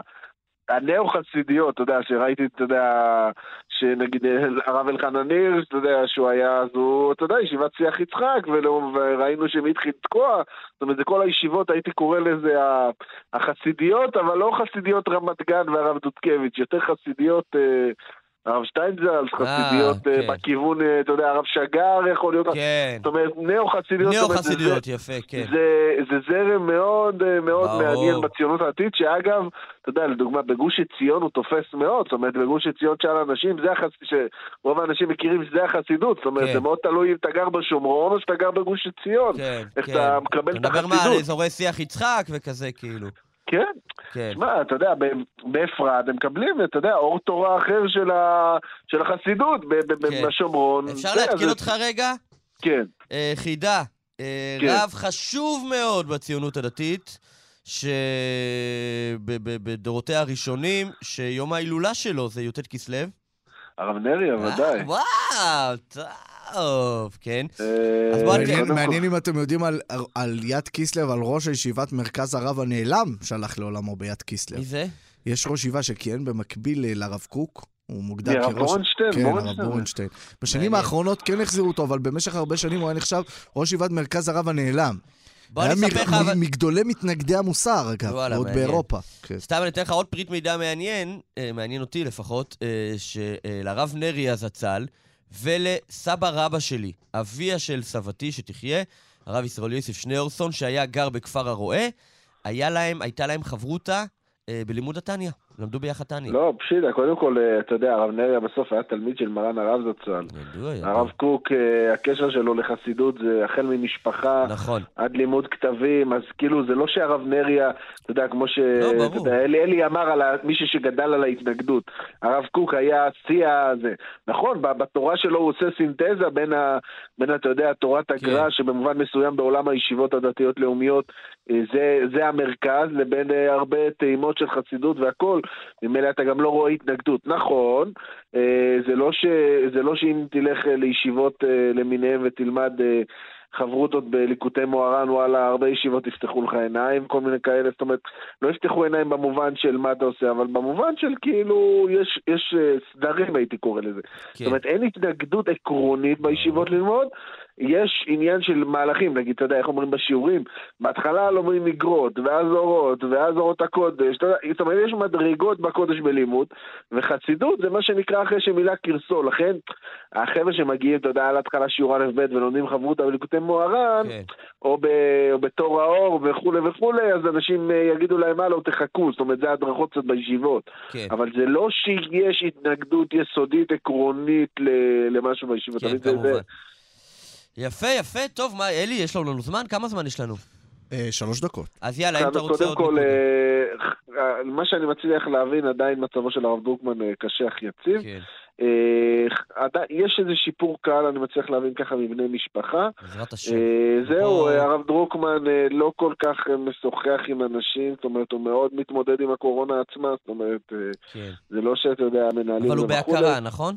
אה, כן, כן, הוא מזהה אנשים, הבנתי, וכולי וכולי, אה, בעזרת השם צריך אה, כן, גם, להמשיך גם תפילות הבנתי יעבור. שיצא ממנו איזושהי הוראה על עניין סעיף הנכד לנתניהו. אני לא, אני לא סגור שזה מה שהיה שם, אני חייב להגיד לך בתור אחד שקצת מתערבב בנושא.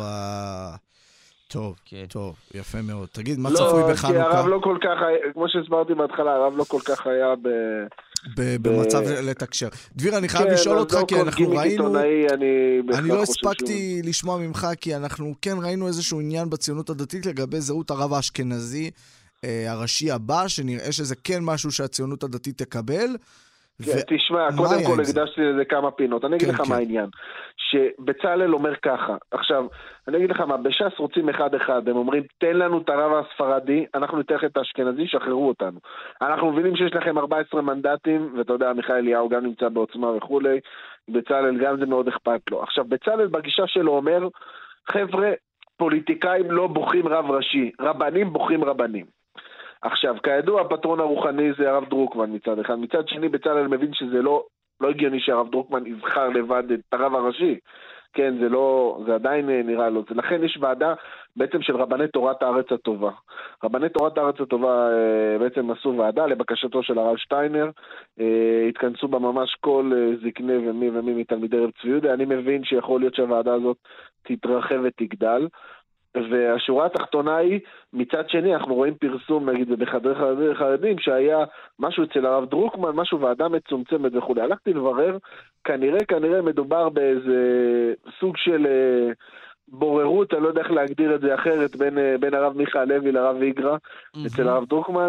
אה, זה קצת מוזר לי, לא בדיוק ברור לי, ל- כאילו מה, האם הבוררות הזאת, מה, תעקוף את הוועדה? הרי הוא התכנסה ועדה בשביל להכריע בין שתיהם. הוועדה החליטה שצריך ללכת בדרכו של הרב קוק וצריך שיהיה מועמד מוסכם אחד. הוועדה עדיין לא החליטה מי המועמד, הם לפי הבנתי צריכים לראיין ולהתעמק בזה וכולי. אה, צדדים לכאן ולשם כבר הבאתי בפינות, פה אני יכול להרחיב, אבל כן, לנו אנחנו נעשה, אני. בטוח שיהיה לנו את השעה- השנה אבל, הקרובה לזה. אה, מילה אבל אחרונה. אה, הם בהחלט, בהחלט אה, זה מאוד מרתק האם הרב מיכה לוי והרב איגרא ככה באמת ירוצו עד הסוף או שבעקבות החלטה מסוימת מישהו יוותר וכמובן עומדת רצון של הרבה מאוד רבנים בציונות הדתית ורצון מאוד גדול של בכירי ש"ס לרב יעקב שפירא לעריכת החוק, אבל זה כבר שאלה גדולה אם זה באמת יקרה בפועל. מורך ורבך. דביר עמר, אה, העיתונאי העל שלנו, תודה רבה על חדשות הציונות הדתית. שיהיה בוקר טוב. בשורות יקירי. בשורות טובות, ישועות ונחמות. מנדי, אנחנו מסיימים את השבוע תודה הזה. רבה לנתנאל, אה, שבוע תודה. על השבוע הזה, לך קודם כל, מנדי. כן. אה, היה שבוע, אה, אתה עשית ארבע, אני עשיתי שלוש. תודה, תודה רבה גם לנתנאל ינובר על העריכה, עמירם כהן שגם היה איתנו בעריכה השבוע גיא הזה. מחבוש, שירה ולכיכר, שלאורך הזמן, קורל קורל קייקו, קייקוב, וירה נכון. וקסלר, אה, שהייתה יום אחד השבוע, לא? בטח, אירה הייתה פעמיים, אה, כן. פעמיים. אה, לו"ז פה נוכחות. אז לא, תודה לכל מי שעשה את השבוע תודה הנפלא לכולם, הזה. ותודה לאסף מוסקוביץ' שהיה לביצוע הטכני. אנחנו אה, נהיה ביום ראשון בשמונה בעזרת השם, מיד אחרינו בא. בדוב, חברים.